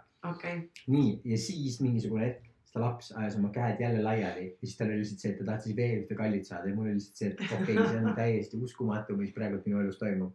täiesti võõras laps lihtsalt tahab täiskasvanud võõrast meesterahvast kallistada. nii, see oli väike side story. aga ühesõnaga, siis lihtsalt täiesti suvaliselt need kaks naisterahvast, keda mina väga pikka aega ei ole näinud, ütlesid mulle seda, et äh, neil on mingisugune oma mingi, kas see oli nende laps või? Nad on Jaa. partnerid või? ei, nad ei ole partnerid, nad on okei. nad on õed. aa, nad on õed või, just ütlesid. ühe nende, ühe nende laps oli see mm. -hmm. ja ühesõnaga ja siis nad lihtsalt vaatasid mulle otsa ja ütlesid mulle, et, et ma olen mingisugune, mingisugune nimi oli neil minu kohta. ja siis neil on oma mingisugune mingi tähtede ja planeetide mingisugune asi, mida nad jälgivad. ja siis nad selle järgi ja siis nad küsisid mult, et, et nagu mingi millal, millal sa sündisid ja mis kell täpselt oli ja mitte lihtsalt, et kell oli kaks öösel, vaid nagu täpselt, mis need nagu, mis minutid olid, eks ole, ja kus kohas sa olid ja, ja kõik need asjad, eks ole. ja siis, ja siis selle järgi nad vaatasid, et mis asi see ma siis olen. Ja siis nemad ütlesid mulle seda, et ma olen selline inimene, kes äh, kuni oma kolmekümnendateni ma veedan nagu niimoodi, et ma lihtsalt nagu proovin ühte asja, proovin teist asja, proovin nagu kolmandat asja, lihtsalt nagu katsetan igasuguseid erinevaid asju ja nagu ei setti millessegi Mhm. ja, ja et ma pean lihtsalt nagu leppima sellega, et see on see, mis ma teen ja ma ei peagi, ma ei tohi Mhm. proovida nagu midagi kuskil ennast, ennast sunnitleda. ja, ja no mina ise kõikidesse nagu mingi tähevärkidesse ja, ja planeetidesse ja nendesse asjadesse ei usu või noh, ma usun, et planeedid on olemas, ausalt usun, aga ja tähed mina. planeetidesse ei usu. That's it. aga, aga lihtsalt nemad ütlesid mulle seda ja siis ma mõtlesin mmm,, okei okay,, selge. et ähm,, et ja mul ei ole mingisugust nagu enda ideed selle kohta. aga kas sa ei ole kuulnud seda teooriat, et äh, inimesed on kõik polümähtid? Ja polümäht on siis äh, sõna, selle jaoks, kui ma nüüd vabas äh, defineeringus äh, vormistan selle, kes on äh, mõeldud tegema, tegelema erinevate asjadega ja kes ongi mõeldud oma fookust suunama ühelt asjalt teisele. Eh, ma ise hil, suht hiljaaegu tutvusin üldse selle sõnaga ja selle teooriaga, et tegelikult kõik inimesed on polümorfid, me ei olegi, me ei ole kindlasti mitte mõeldud elu lõpuni tegema, ma ei tea, et noh, mingi standardmudel, mis ma jällegi arvan, et see läheb sellesse teemasse, et see on jälle stereotüüpne lähenemine, et seda tegelikult tänapäeval väga ei eksisteeri. aga meile ikkagi meeldib äh, mõelda selles, selles nagu mõttes olla, driftida, et aa, lähen pärast äh, keskkooli, ülikooli õpin midagi ja siis teen seda elu Mhm. lõpuni, et nagu ei, see noh, it doesn't work ja, that way. Ja ma olen täiesti nõus sellega, mis sa ütled, aga vot see ongi minu jaoks nii keeruline koht, sellepärast et nii nagu mina olen siiamaani oma elu elanud, ma olengi täpselt elanud niimoodi, et mind praegult huvitab see, ma tahan teha mm -hmm. seda, nüüd mind huvitab see, ma tahan teha seda, proovin, teen ja nii edasi. et Ja sa see- ise ei ole piisavalt siis nagu pühendunud või keskendunud. vot seal ongi see koht, et see, mis nemad kõik ütlevad, on see, mis mulle meeldib sihukest asja kuulda ja mulle meeldib niimoodi elada, aga siis minus ongi see nagu ähm, see duaalsus või see, mis see sõna on? noh, sest sa oled ju ka kaksik, dilemma, kaalud. ma olen kaalud, noh, sama selles mõttes, eks ole. ja okei okay., tahtsin siia panna väikse tähemärgi kommentaari, aga see ei tulnud välja. aga ühesõnaga minus on si- siis see dilemma, et kui ma tunnen niimoodi, et äh, aa, et ma praegult ei peagi nii-öelda nagu süvenema millessegi ja ma peangi lihtsalt nagu tegema lihtsalt nii-öelda seda, kuhu, eks ole, tuul viib. Et siis ühelt poolt on see, et aa, kas ma teengi niimoodi, nagu ma pean tegema või teiselt poolt on see, et aa, ei, ma olen lihtsalt laisk ja ma lihtsalt ei suuda ennast piisavalt distsiplineerida. Mhm. ja see on seesama asi, mis mul, mis mul tekib sellega, et, et kas see minu otsus sellest, et okei okay,, ma pean nüüd millelegi pühenduma ja ma pean proovima ennast nagu suunatleda ühele kindlale asjale. kas see tuleb sellest, et ma reaalselt tunnen, et ma pean seda tegema ja see oleks õige asi, mida teha, ennast distsiplineerida ja suuta kulli pilguga lihtsalt mm. -hmm. nagu äh, suunatleda ennast millelegi või see tuleb sellest, et ma lihtsalt ühiskonnas tunnen ennast ebamugavalt sellest, et nagu mm. mul ei ole mingisugust ühte kindlat eriala ja ma teen igasuguseid erinevaid asju ja, ja olen selline, selline nagu diletant ja, ja, ja asjaarmastaja ja mis iganes. et kas ma tegelikult ei tea seda, kas see soov tuleb nii-öelda sügavalt minu seest või see tuleb sellest, et ma lihtsalt tahan, tahan ühiskonnas nagu välja näha justkui keegi, kes, kes, kes on nii-öelda aktseptaabel ja mul on kahetsed tunded selle kõigega. ja okei okay,, tegelikult ma olen olnud vist seal mingi, mingis mõttes sellesama koha juures, võib-olla olen siiamaani. et ühest küljest mul on tunne, et mul on olnud selline perekond, mind on päris palju surutud tegema mingeid asju, mida ma võib-olla algselt äh, poleks tahtnud teha. Ja mm, noh, ilma selleta ma ei oleks kunagi jõudnud sellesse punkti, kus ma praegu olen, sest ma olen pigem pelglik inimene loomu poolt mind noh, kui sul on see kaks drive'i, mis sind saab, mis saab elus üldse olla, kas uudishimu või hirm, siis mul on ainult hirm, ma ei ole uudishimulik inimene, mind ei huvita väga palju, et ma lihtsalt teen neid asju sellepärast, et ma kas kardan, et kui ma ei tee, siis ma fail in, mul noh, pigem nagu see mõttesuund on ju mm. -hmm. aga ma pigem teen, kui ei tee, on ju -hmm. ähm,. Aga m- mind on pigem nagu innustatud ja surutud neid asju tegema. aga samas ma näen enda kõrval inimesi, kes on väga kindlalt ära otsustanud, et äh, ma ei tegele mitte millegagi, mis mulle ei meeldi mm,.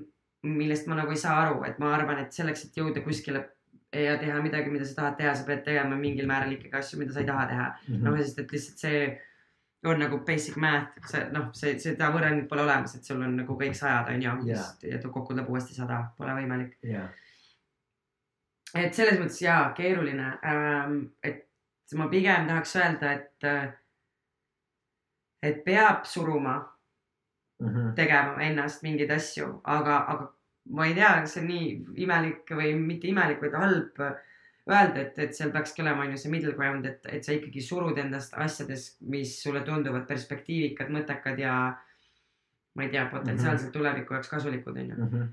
Aga liiga kergelt ei saa ka käega lüüa ja öelda, et mm, mulle see ei meeldi, ma sellega ei tegele, et mulle yeah. see nagu mõtteviis ka üldse ei, ei, ei meeldi. Aga sinu puhul on pigem see, et nagu ma teen neid asju, mis mulle meeldivad, on peamine mõte. vot, aga selles, ma olen täiesti nõus kõigega, mis sa ütled ja vaata, mul on see, et mul ei ole probleemi enda push imisega. Mm -hmm.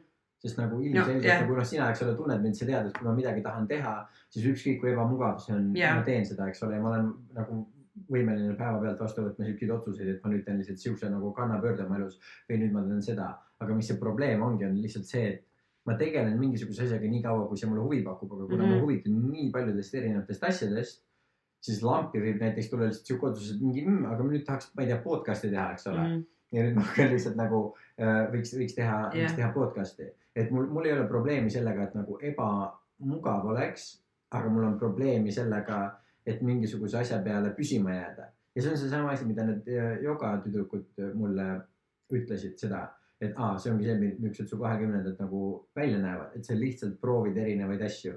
aga siis ongi minus on see lihtsalt duaalsus, kas ma proovin erinevaid asju sellepärast, et see on see, mis mul on hinges ja see ongi see, mis ma peaksin nii-öelda tegema Mhm. see on see, mis mind viib sinna, kuhu ma pean jõudma.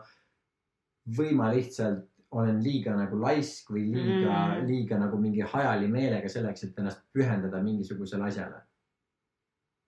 no selles mõttes mul on natuke tunne, et sa eelmise punktiga vastasid iseendale, et, et, et see pigem on see, et sa tahad proovida erinevaid asju noh, sa nagu vastasid sellele, et see, et pigem on see suund see õige, kui see mingi muu ühiskonnagrepp. Mhm. mul on tunne, et sa tegelikult ise no. nagu kaudselt vastasid sellele. okei okay., no sest ma ise ka arvan, eks ole, jällegi kuna ennast on keeruline kõrvalt näha, võib-olla sina oskad mind, kindlasti oskad sina mind paremini kõrvalt näha, aga nagu seda, et. jah, sa ei saagi enda kõrvale näha, sa oled ise ka sees. Mind blown. aga nagu see, et ma, ma ise ei tunne seda, et mul oleks väga palju seda tunnet, et nagu, aga mis ühiskond arvab sellest, mis ma teen. Mhm. nagu ilmselgelt, eks ole, kui sa vaatad nagu minu elu, siis mul ei ole väga palju seda, et nagu aa, ma lihtsalt teen, teen seda, mida, mida ühiskond minult, minult nõuab mm, Mhm. -hmm. vaid mul ongi see, et praegu tahan teha seda ja nüüd tahan teha seda ja nüüd tahan teha seda ja nüüd tahan te- teha seda. aga, aga jah, aga siis ongi nii paljude asjadega on, tekib nagu see küsimus, et kui ma mingisuguse asjaga ma olen nagu tegelenud kuskile maale, et kas see asi või see põhjus, miks ma sellel hetkel hakkan mingi muu asjaga tegelema, on sellepärast, et praegult on kõige parem otsus hakata tegelema mingi muu asjaga või on põhjus selles, et nüüd on tekkinud teile mingi hamp, ja, vaata. ja et, et kuna sellest ülesaamine on liiga keeruline, siis ma pigem lihtsalt nagu. ja aga mul on praegu lihtsalt sihuke tunne, et äh, ma ei tea, mis parem väljend on, aga heas mõttes sa, sa mõtled üle, et te, tegelikult sa teaks, kui seal on hamp ja sa ei taha sellega tegeleda. ma arvan seda vähemalt. et mul on pigem mingitel hetkedel vastupidine tunne, et ma olen mingis mõttes kogu oma tead, teadlikku elu tegelenud ühe asjaga ja püüelnud ühe eesmärgi poole. alles nagu nüüd hiljem aru saades, et ma ei, tegelikult ei taha seda, noh, produktsioon näiteks kui selline. ma arvan, et kui ma tahan, ma võin seda väga hästi teha. aga ma ei taha seda teha, mind ei drive'i see enam, mind Mhm. noh. ja samas ma tunnen, et kuigi samas valdkonnas ma oleks võinud ka kooli ajal mujal ma oleks võinud palju rohkem proovida filmimist, heli võtmist, režii tegemist, aga ma väga kindlalt olin enda jaoks teinud selle otsuse, et ei, sa pead varakult teadma, mida sa teed ja selle poole püüdlema. mis kindlasti ei ole selles mõttes ju halb, et ma olen midagi ilmselgelt nendest asjadest õppinud ja nendest projektidest, mis ma olen teinud, ütleme produtsendina ma olen väga palju õppinud nendest. aga praegu ma hakkan mõtlema, et äkki ma oleks võinud vahepeal teha muid asju Mhm. äkki ma oleks võinud näiteks noh, kasutada mingeid võimalusi ja mitte kohe öelda, et ei, ma teen seda projekti produtsendina, ma oleks öelnud, aa, aga äkki ma proovin seda hoopis teha režissöörina, et mul ei ole praegu, ma pean nii-öelda nagu tagantjärgi seda kogemust äh, omandama, sest ma mingil hetkel surusin ennast tegema ainult ühte tüüpi asju, et selles saada paremaks mm. Mhm. -hmm. et hiljem avastada, et ma tegelikult võib-olla ei tahaks seda teha. Mhm.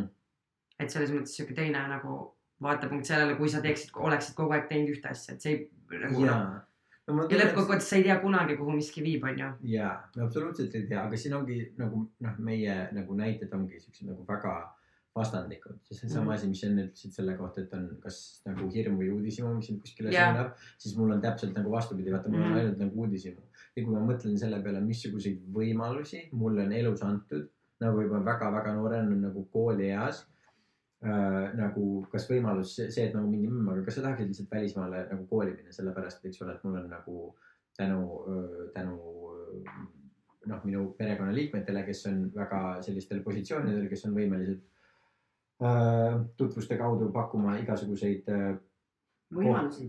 võimalusi äh, välismaal ja, ja väga nagu prestiižsetes kohtades ja siis lihtsalt mulle nagu kaheteist või kolmeteistaastaselt mult küsitakse sihuke küsimus, et kas sa tahaksid näiteks nagu siukse nimega kooli minna Inglismaal või kas sa tahaksid nagu midagi sellist teha.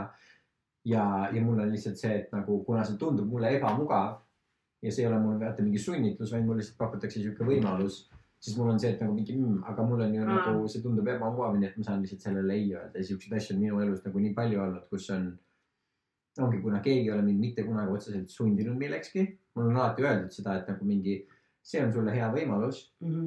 nagu ja see oleks tark sinust seda nagu vastu võtta. aga kuna mitte keegi kunagi ei sunni, siis ma olen lihtsalt saanud öelda, et nagu mingi, see tundub mulle praegult ebamugav. nii et ma ei tee seda ja mul, see on mingi asi, mis ma olen pidanud iseendale nagu aastaid-aastaid sisse harjutama, et võta vastu otsuseid, mis tunduvad nagu ebamugavad mm. -hmm. nagu Mhm. sest see, mis ma tunnen, mis on sulle vaata nagu lihtsalt nagu elu ja vanemate ja kõige selle poolt kaasa antud, Mhm. et sa pead tegema mingisuguseid asju, mis sulle ei meeldi, siis mul on olnud see rohkem nagu see, et õpi ise sisse see endale. ja praegu lihtsalt just to clarify, mul praegu see mõte straikis, et tegelikult äh, mis ongi erinev või mis, mis mulle väga meeldib, mille peale mulle meeldib mõelda, et äh, või siis samas ei meeldi, et kui sa saad ühel hetkel lapsed, et see, et ju noh, kuidagi mul on tunne, et head inimesed kasvavad sellest iseloomu ja sellele iseloomule sobivast äh, kasvatusest, onju. et tegelikult, kui ma reaalselt mõtlen, mind ei ole tegelikult ju mitte millegi jaoks sunnitud, aga minu jaoks isegi see, ütleme mingi, ütleme vanema soovitus, et sa peaksid minema välismaale ülikooli, tundub minu, on minu noore aju jaoks ja mingid asjad siiamaani on see, et ma pean minema, nagu et kui ma ei lähe, siis no mis siis veel saab. Mhm. ma jätan nii palju võimalusi kasutamata ja minust ei saa kunagi mitte midagi, mis kõik veel, aga tegelikult ei ole ju, mind ei ole otseselt öö, noh, sunnitud seda tegema, aga see sundlus tuleb minu enda seest läbi mingisuguste teiste emotsioonide. Mhm. et ka mingi soovitus võib muutuda selleks, et, et Jaa. mul ei ole kunagi olnud sihukest mõtet, et vist, et see on liiga ebamugav, ma ei tee seda, mul ei ole seda kunagi olnud. Mhm. vot, aga, aga ma arvan, et sellest võib-olla sellel ei olegi nagu vahet, et kust see. No Kust lõpuks see tuleb? sinu nagu perception sellest on see, et nagu ma lihtsalt pean seda tegema Jah. olenemata sellest, kas see on, kas see on soovitus või keegi lihtsalt annab selle võimaluse või kas keegi, no sest ma ei arva ka, et sul oleks, et keegi oleks niimoodi surunud näo. aga ma mõtlen, et mingi, okei okay,, mingitel inimestel ilmselt on tegelikult nii. ja no kindlasti, kindlasti on nagu need on need õuduslood, vaata nendest inimestest, kes on nagu kaheksakümnendates need mingid Hollywoodi staarid ja siis kelle käest sa kuuled seda, kuidas, kuidas, kuidas nende vanemad nagu sundisid neid nagu mingisugusteks õudseteks, õudseteks asjadeks. Mhm. aga, aga et kas see tuleb, kas see tuleb sellest, et sul on sihuke tunne, et sa pead seda tegema või keegi reaalselt sunnib sind selleks, sest võib-olla reaalselt on see, et isegi kui keegi oleks mind millekski sundinud, siis mul ei oleks ikka seda tunnet sees olnud. Ilmselt ei oleks. ikka oma olemusega. ehk siis ma ikkagi arvan, et see läheb, goes back to hirm versus uudishimu. mm. -hmm. kui sa tegelikult mõtled selle peale, siis see on nii loogiline, et äh, minu arust need ongi põhi, ma, ma ei oska sinna kõrvale midagi muud tuua. põhimõtteliselt saab iga olukorra võtta selleni lahti, et mis oli selle drive, kas hirm või uudishimu, see on üks kahest Mm -hmm. kõikide asjadega. Mm -hmm. või iha. ehk siis uudishimu. noh, no Ehk siis ütleme niimoodi, kui me noh, kui me niimoodi bluntly mõtleme või noh, nagu, nagu ma sulle ette ütlesin, et peab mõtlema. kui me niimoodi mõtleme, siis see on üks või teine, noh või sa saad liigitada need asjad ühe või teise alla. ja, aga ma olen sinuga nõus, mulle meeldib, mulle meeldib see mõtlemine, hirm äh,, hirm või äh,, või uudishimu. ja siis need lihtsalt mõlemad on väga tugevad äh, drive'id kehas sest. nagu, sest minu jaoks ja jällegi ma usun, see on asi, mida ma olen nagu viimastel aastatel endale sisse väga palju õppinud, on see, et see viis, kuidas ma saan ennast tegema midagi, mida ei vii mind tegema otseselt uudishimu või millest, mille tegemist mul takistab hirm. no la Mhm. nagu näiteks stand-up'i teha Jah. vaata midagi siukest, eks ole, siis hirm on just see asi, vaata, mis takistab sul seda Jah. teha, sul on nagu see, et nagu aa, see ei drive'i sind. sest see on nii nagu ebamugav, eks ole, Jah. siis sul on see, et see takistab sind. siis see viis, kuidas ma saan ennast seda tegema, on hirm selle ees, mismoodi ma ennast tunnen siis, kui ma ei tee seda. okei okay,, aga selles mõttes nagu okei okay,, väga huvitav, et see selles mõttes kattub äh, minuga, aga mul lihtsalt kõikides, mul on ka see, et see hirm ei alati, alati, see hirm võib olla ka see hirm, mis mind valdab. et äh, mis saab siis ja mul ongi, ma ei tea, võib-olla mul on vedanud, et ma tunnen, et mind drive ib hirm, aga peamiselt alati on see hirm selles, et kui ma seda ei tee, Mhm. mis siis saab, mitte see, et kui ma seda teen, et seda on ka, aga palju rohkem on seda teist. Mhm. vot, aga see on mingi asi, mille mina olen pidanud endale nagu sisse õppima, et mul on nagu Mhm. noh, siiamaani on nagu need hetked, kus mul on see, et okei okay,, nüüd ma teen Mhm. mingisuguse sammu, see on minu jaoks ebamugav, ma ei taha seda teha ja see on asi, mida ma pean endale nagu meelde tuletama. kuidas sa tunned ennast siis nagu a la homme, kümne või viiekümne aasta pärast, kui sa praegult seda ei tee, kuidas sa selle peale tagasi mõtled? Ja see hirm, mismoodi ma tunnen, kas nagu mingit kahetsust või häbi või mis iganes asi, on see asi, Mhm. mis mind nagu paneb lõpuks seda tegema. selles mõttes on äh, noh, et mul on olnud siis see vastupidine hetk, et ma olen pidanud endale ütlema, et see, see asi on tegelikult põnev, see tegelikult meeldib sulle, Mhm. sa tegelikult tahad sinna, sinna minna. ja ma mõtlen, et aju on selles mõttes veider on ju, ongi kõige, kas ta ei, mitte ei ole kõige vähem, mitte kõige vähem uuritud, aga noh, me teame nii vähe tegelikult inimese aju kohta onju. kõige vähem aru saada. tahtsin jälle fakte välja mõelda, mida ma tegelikult nagu pole kuskilt lugenud, aga aju on kõige vähem uuritud organ, ma arvan, tegelikult ei ole. nagu selles Tegelikult ei ole. kui palju sa nüüd põrna uurid nagu tea, sa seal- mida on seal uurida nii palju ähm,? mida ma üldse öelda tahtsin seal kõik? Lihtsalt kuna aju on nii keeruline ja me ei tea sellest äh, mitte midagi, siis on kogu selle jutt väga loogiline. põhimõtteliselt, mis sa tahad öelda, on see, et kuna me mitte millestki mitte midagi nagunii aru ei saa, siis ükskõik, mis me ütleme, on usutav. ei, ma ei tahtnud seda öelda, aga ähm,, aga äh,. aa, ma tean, mul tuli meelde, et nii palju kordi, kui sa ka ei ütle iseendale või kui ma ka ei ütle iseendale, et aa, et äh, tuleb see võttepäev, et tegelikult see on fun, ma tean, ma saan ju aru inimesena, mulle meeldib äh, olla võttel, näiteks mulle meeldib see töö, mulle meeldib, isegi kui see päev on kuusteist, kaheksateist tundi pikk, mulle, ma tõesti kaifin võttel olemist. mul, ma sobin sinna, ma olen tähelepanelik, ma saan hästi hakkama, mulle meeldib olla võttel. aga ikkagi iga päev enne võtet mul on niimoodi, et "Aa, mis saab, äkki, äkki mul ei ole see läbi mõeldud, äkki see läheb pekki. Äkki see inimene sureb ära, äkki vihma sadama, et äh, olenemata, et ma olen oma ajule nii mitu korda öelnud ja ta on nii mitu korda minu elus kogenud seda, et äh, üheksakümmend üheksa protsenti kordades, kui ma lähen võttele, siis mul ongi seal väga tore ja fun, olenemata sellest, mis seal, mis äpardused seal tekivad. ikkagi iga kord enne võtet on mul see ärevustunne sees. mm.. Ja siis ühesõnaga proovi, kas see on asi, mida sa iseendale ütled, et tegelikult kõik võib olla jumala äge või see on. ma pigem ütlengi, et kuule, kõik saab, no ma pigem siis, pigem ma tegelengi sellega nii, et ma ütlen, et mitte, et kõik on tõenäoliselt hästi, vaid et kõik ongi väga äge, isegi siis, kui kõik läheb pekki. või pigem siis see mõtteviis on see, et ma ei saa praegu mitte midagi, noh, ma olen teinud kõik, mis ma saan teha.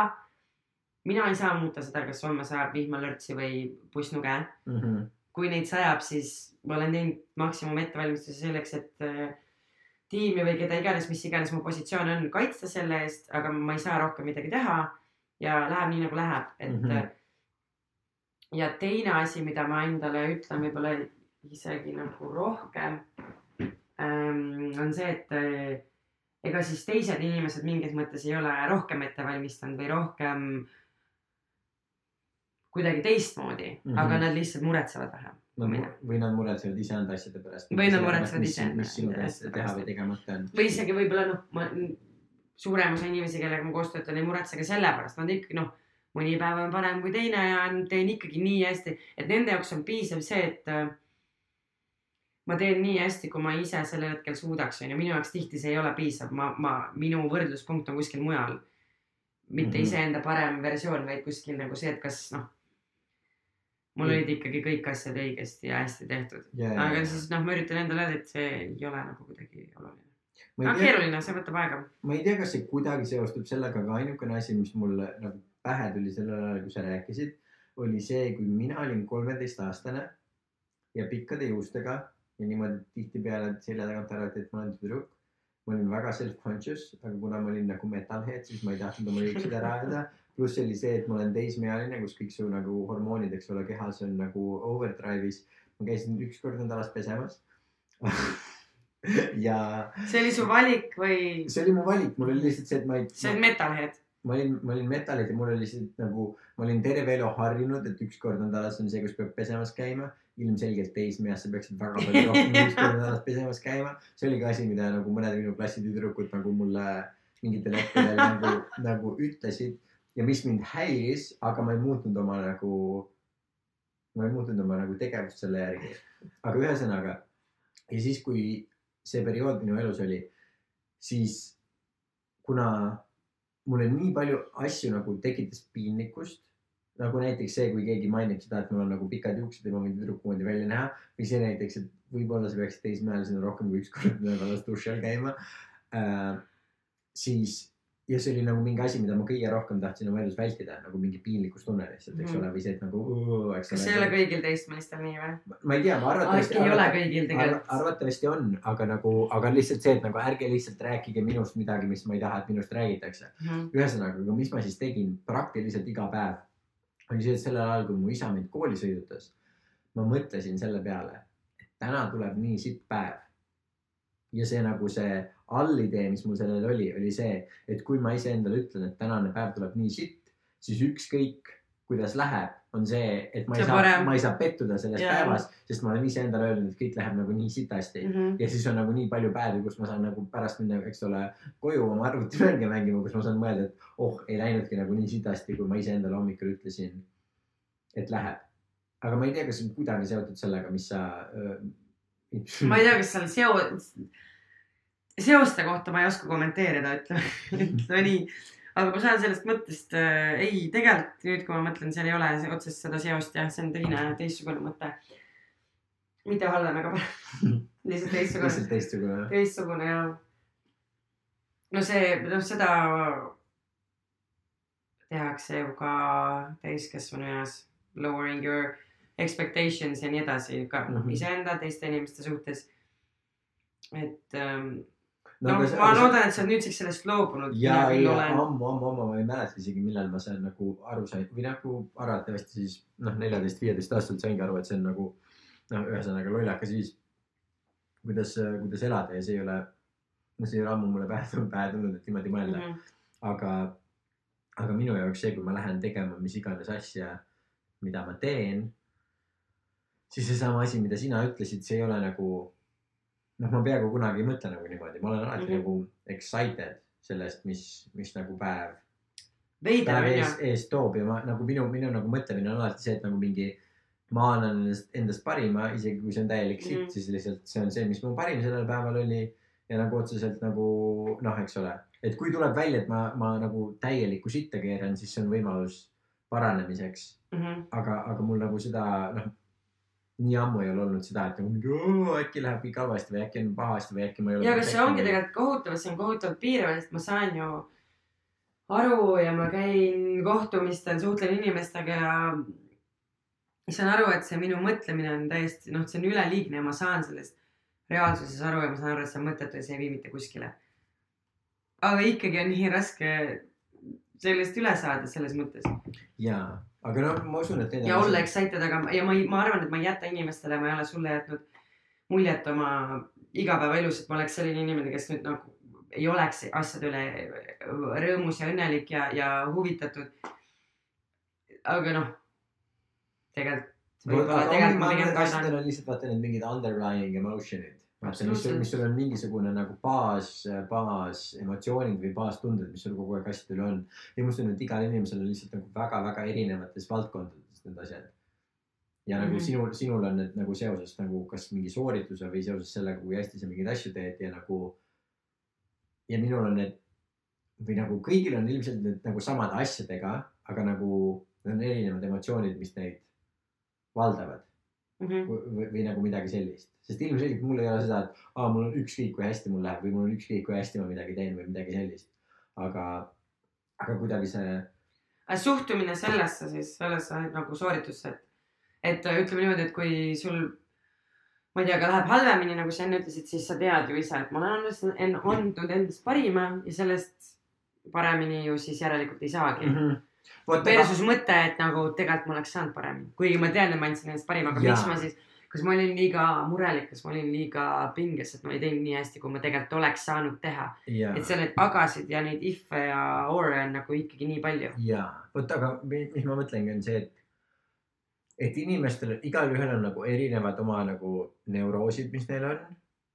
ja, ja sinul see väljendub selles, milles see sinul väljendub ja ongi see, et ükskõik kui palju sa nagu ratsionaalsusega sellest aru saad, siis see mingil moel nagu ei, lõppude lõpuks ei muuda seda, et see on ikka see, mis su sees nagu, mis su self-talk sellel hetkel on Jah. või mis su nagu, mis su sees käib. sest nagu ma, ma rääkisin sulle hommikul ka, kui me just kinost tulime, kui mul eile oli see äh, kohtumine selle äh, Projektijuhiga. ühe, ühe, ühe reisi, reisikorraldaja pro, projekti tegevjuhiga, siis, siis oli see, et ma lähen sinna ja ma räägin nendega ära ja kõik on nagu jumala hästi ja ma tunnen ennast nagu väga enesekindlalt ja nagu ma tean, millest ma räägin ja kõik tundub mulle õige ja siis ma pärast jalutan sealt ära ja siis ma mõtlen omaette, et oota, kas ma just olin nagu mingi väga ülbe ja ebameeldiv lihtsalt ja kas võib-olla ma jätsin lihtsalt inimestele endast praegult nagu mingi täiesti kohutava mulje ja lihtsalt ma sellel ajal, kui ma nagu nendega rääkisin, ma ise nagu arvasin, et kõik on jube hästi ja siis mõtlesin, äkki ma olen lihtsalt nagu täielik, täielik türapea ja nad nagu järgmisel päeval helistavad ja ütlevad, et vabandust, me ei soovi sinuga nagu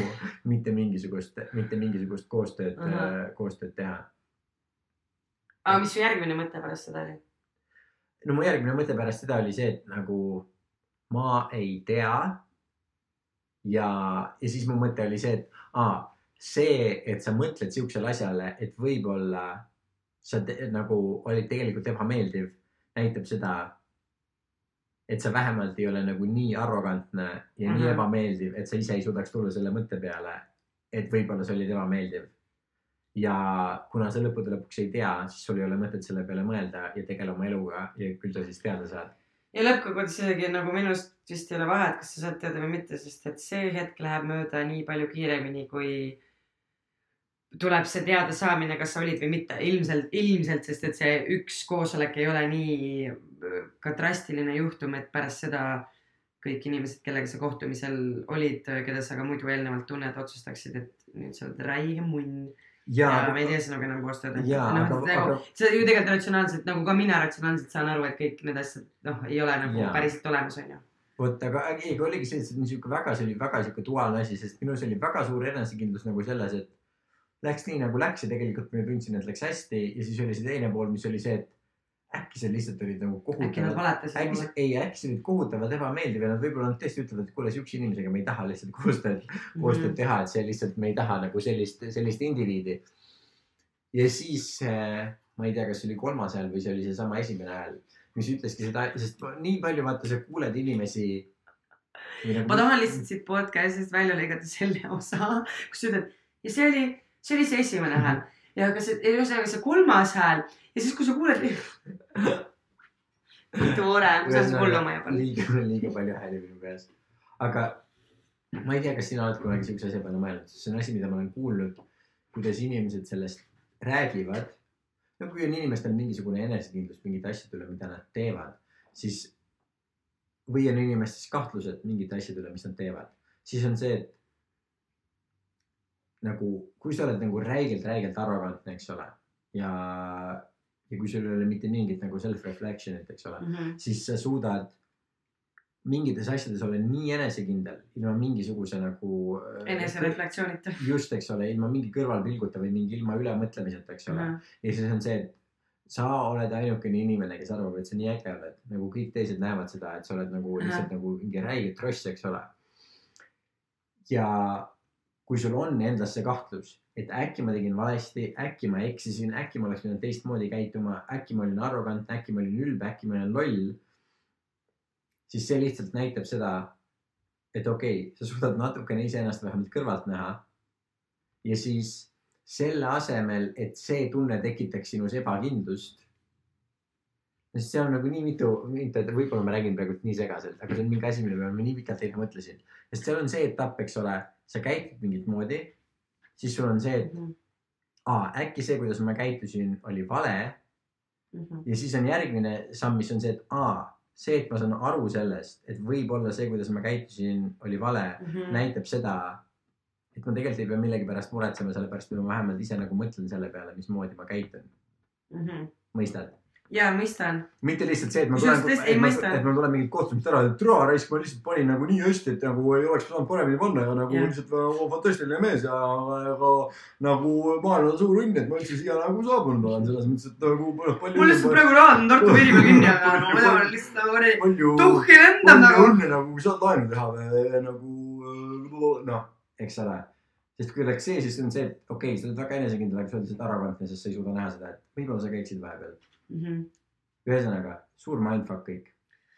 no mul on äh, error või noh, selle mm, näiteks aastavahetusega, see läheb natuke samasse kategooriasse onju, nii, et äh, aastavahetusel oli onju noh pidu onju, nii siis mina jäin väga segi, nagu kammisin üle ja siis ma olin mingi hüstras onju.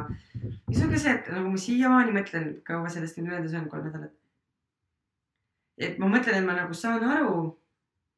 ma ei oleks pidanud nii käituma, samas ei oleks saanud ma kuidagi nagu muud moodi sellel hetkel käituda.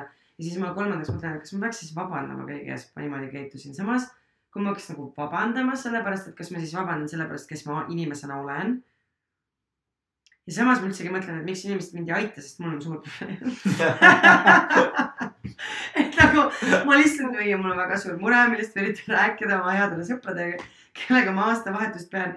aga lõpuks on ikkagi nagu minul kõige sitem tunne, et ma kuidagi, võib-olla see on ka lihtsalt see, et ma ei oska siis väljendada oma probleeme muus olekus kui täiesti segi olles. aga ühesõnaga, palju mõtteid, ütlegi, ütlen sama nagu sina, et nagu segane on see värk kõik. ja vot, aga ma mõtlen sellisel hetkel vist on lihtsalt see, et nagu noh, kui sa, kui sa tunned, et sul on millegi pärast vabandada, siis loomulikult peaks vabandama või noh, vaata, kui sa tead, kustkohast see tuleb.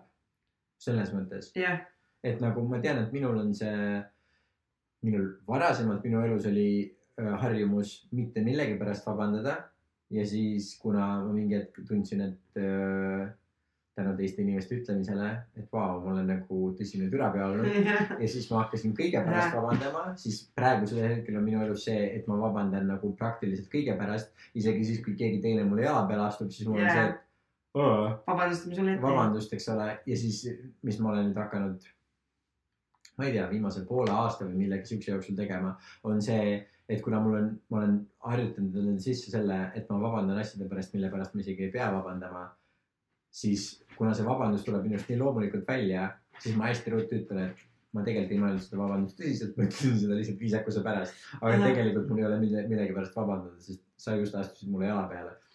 aga jällegi ma saan aru, et see on täiesti teine teema kui see, mis. ei, no selles mõttes mul oleks ka see, ega selle aastavahetusega on nii, et ma, ma ei saa vabandada nende asjade eest, mida ma tundsin ja mõtlesin ilmselgelt. Jaa, ma saan vabandada selle võib-olla eest, et võib-olla see oleks pidanud juhtuma seal olukorras nende inimestega. aga tegelikult lõppkokkuvõttes ma ei vabandanud kellegi eest, sest et ma ei teaks sellisel juhul, mille eest ma vabandan. ja ma pigem lihtsalt kirjutasin ühele meie sõbrannale, et aitäh, et sa minuga olid sellel hetkel ja ma ei tea, kas see aga- probleem on päris või mitte, aga minu arust see on täiesti õigustatud, sellepärast et ongi, kui sul, kui sa tead, et sul on millegi pärast vaja vabandada, siis sa teed seda mm. -hmm. aga kui inimene lihtsalt on mingisugusel hetkel emotsioon, emotsionaalne või, või noh, mis iganes, sul elab ennast kuidagimoodi välja, siis see vabandamine olekski siuke lihtsalt nii, nii-öelda nagu viisakas vabandamine Jaa. aga nagu kui sa oled inimestega, kes on su sõbrad, kes sind tunnevad, nagu meie kõik oleme, siis vaata, keegi ei ole see, et issand, ta nagu oli emotsionaalne ja siis ta pärast isegi ei vabandanud selle pärast, siis kõigil on see, et. ma lihtsalt jah loodan, et inimesed Inimene- näevad seda ka nii, et mul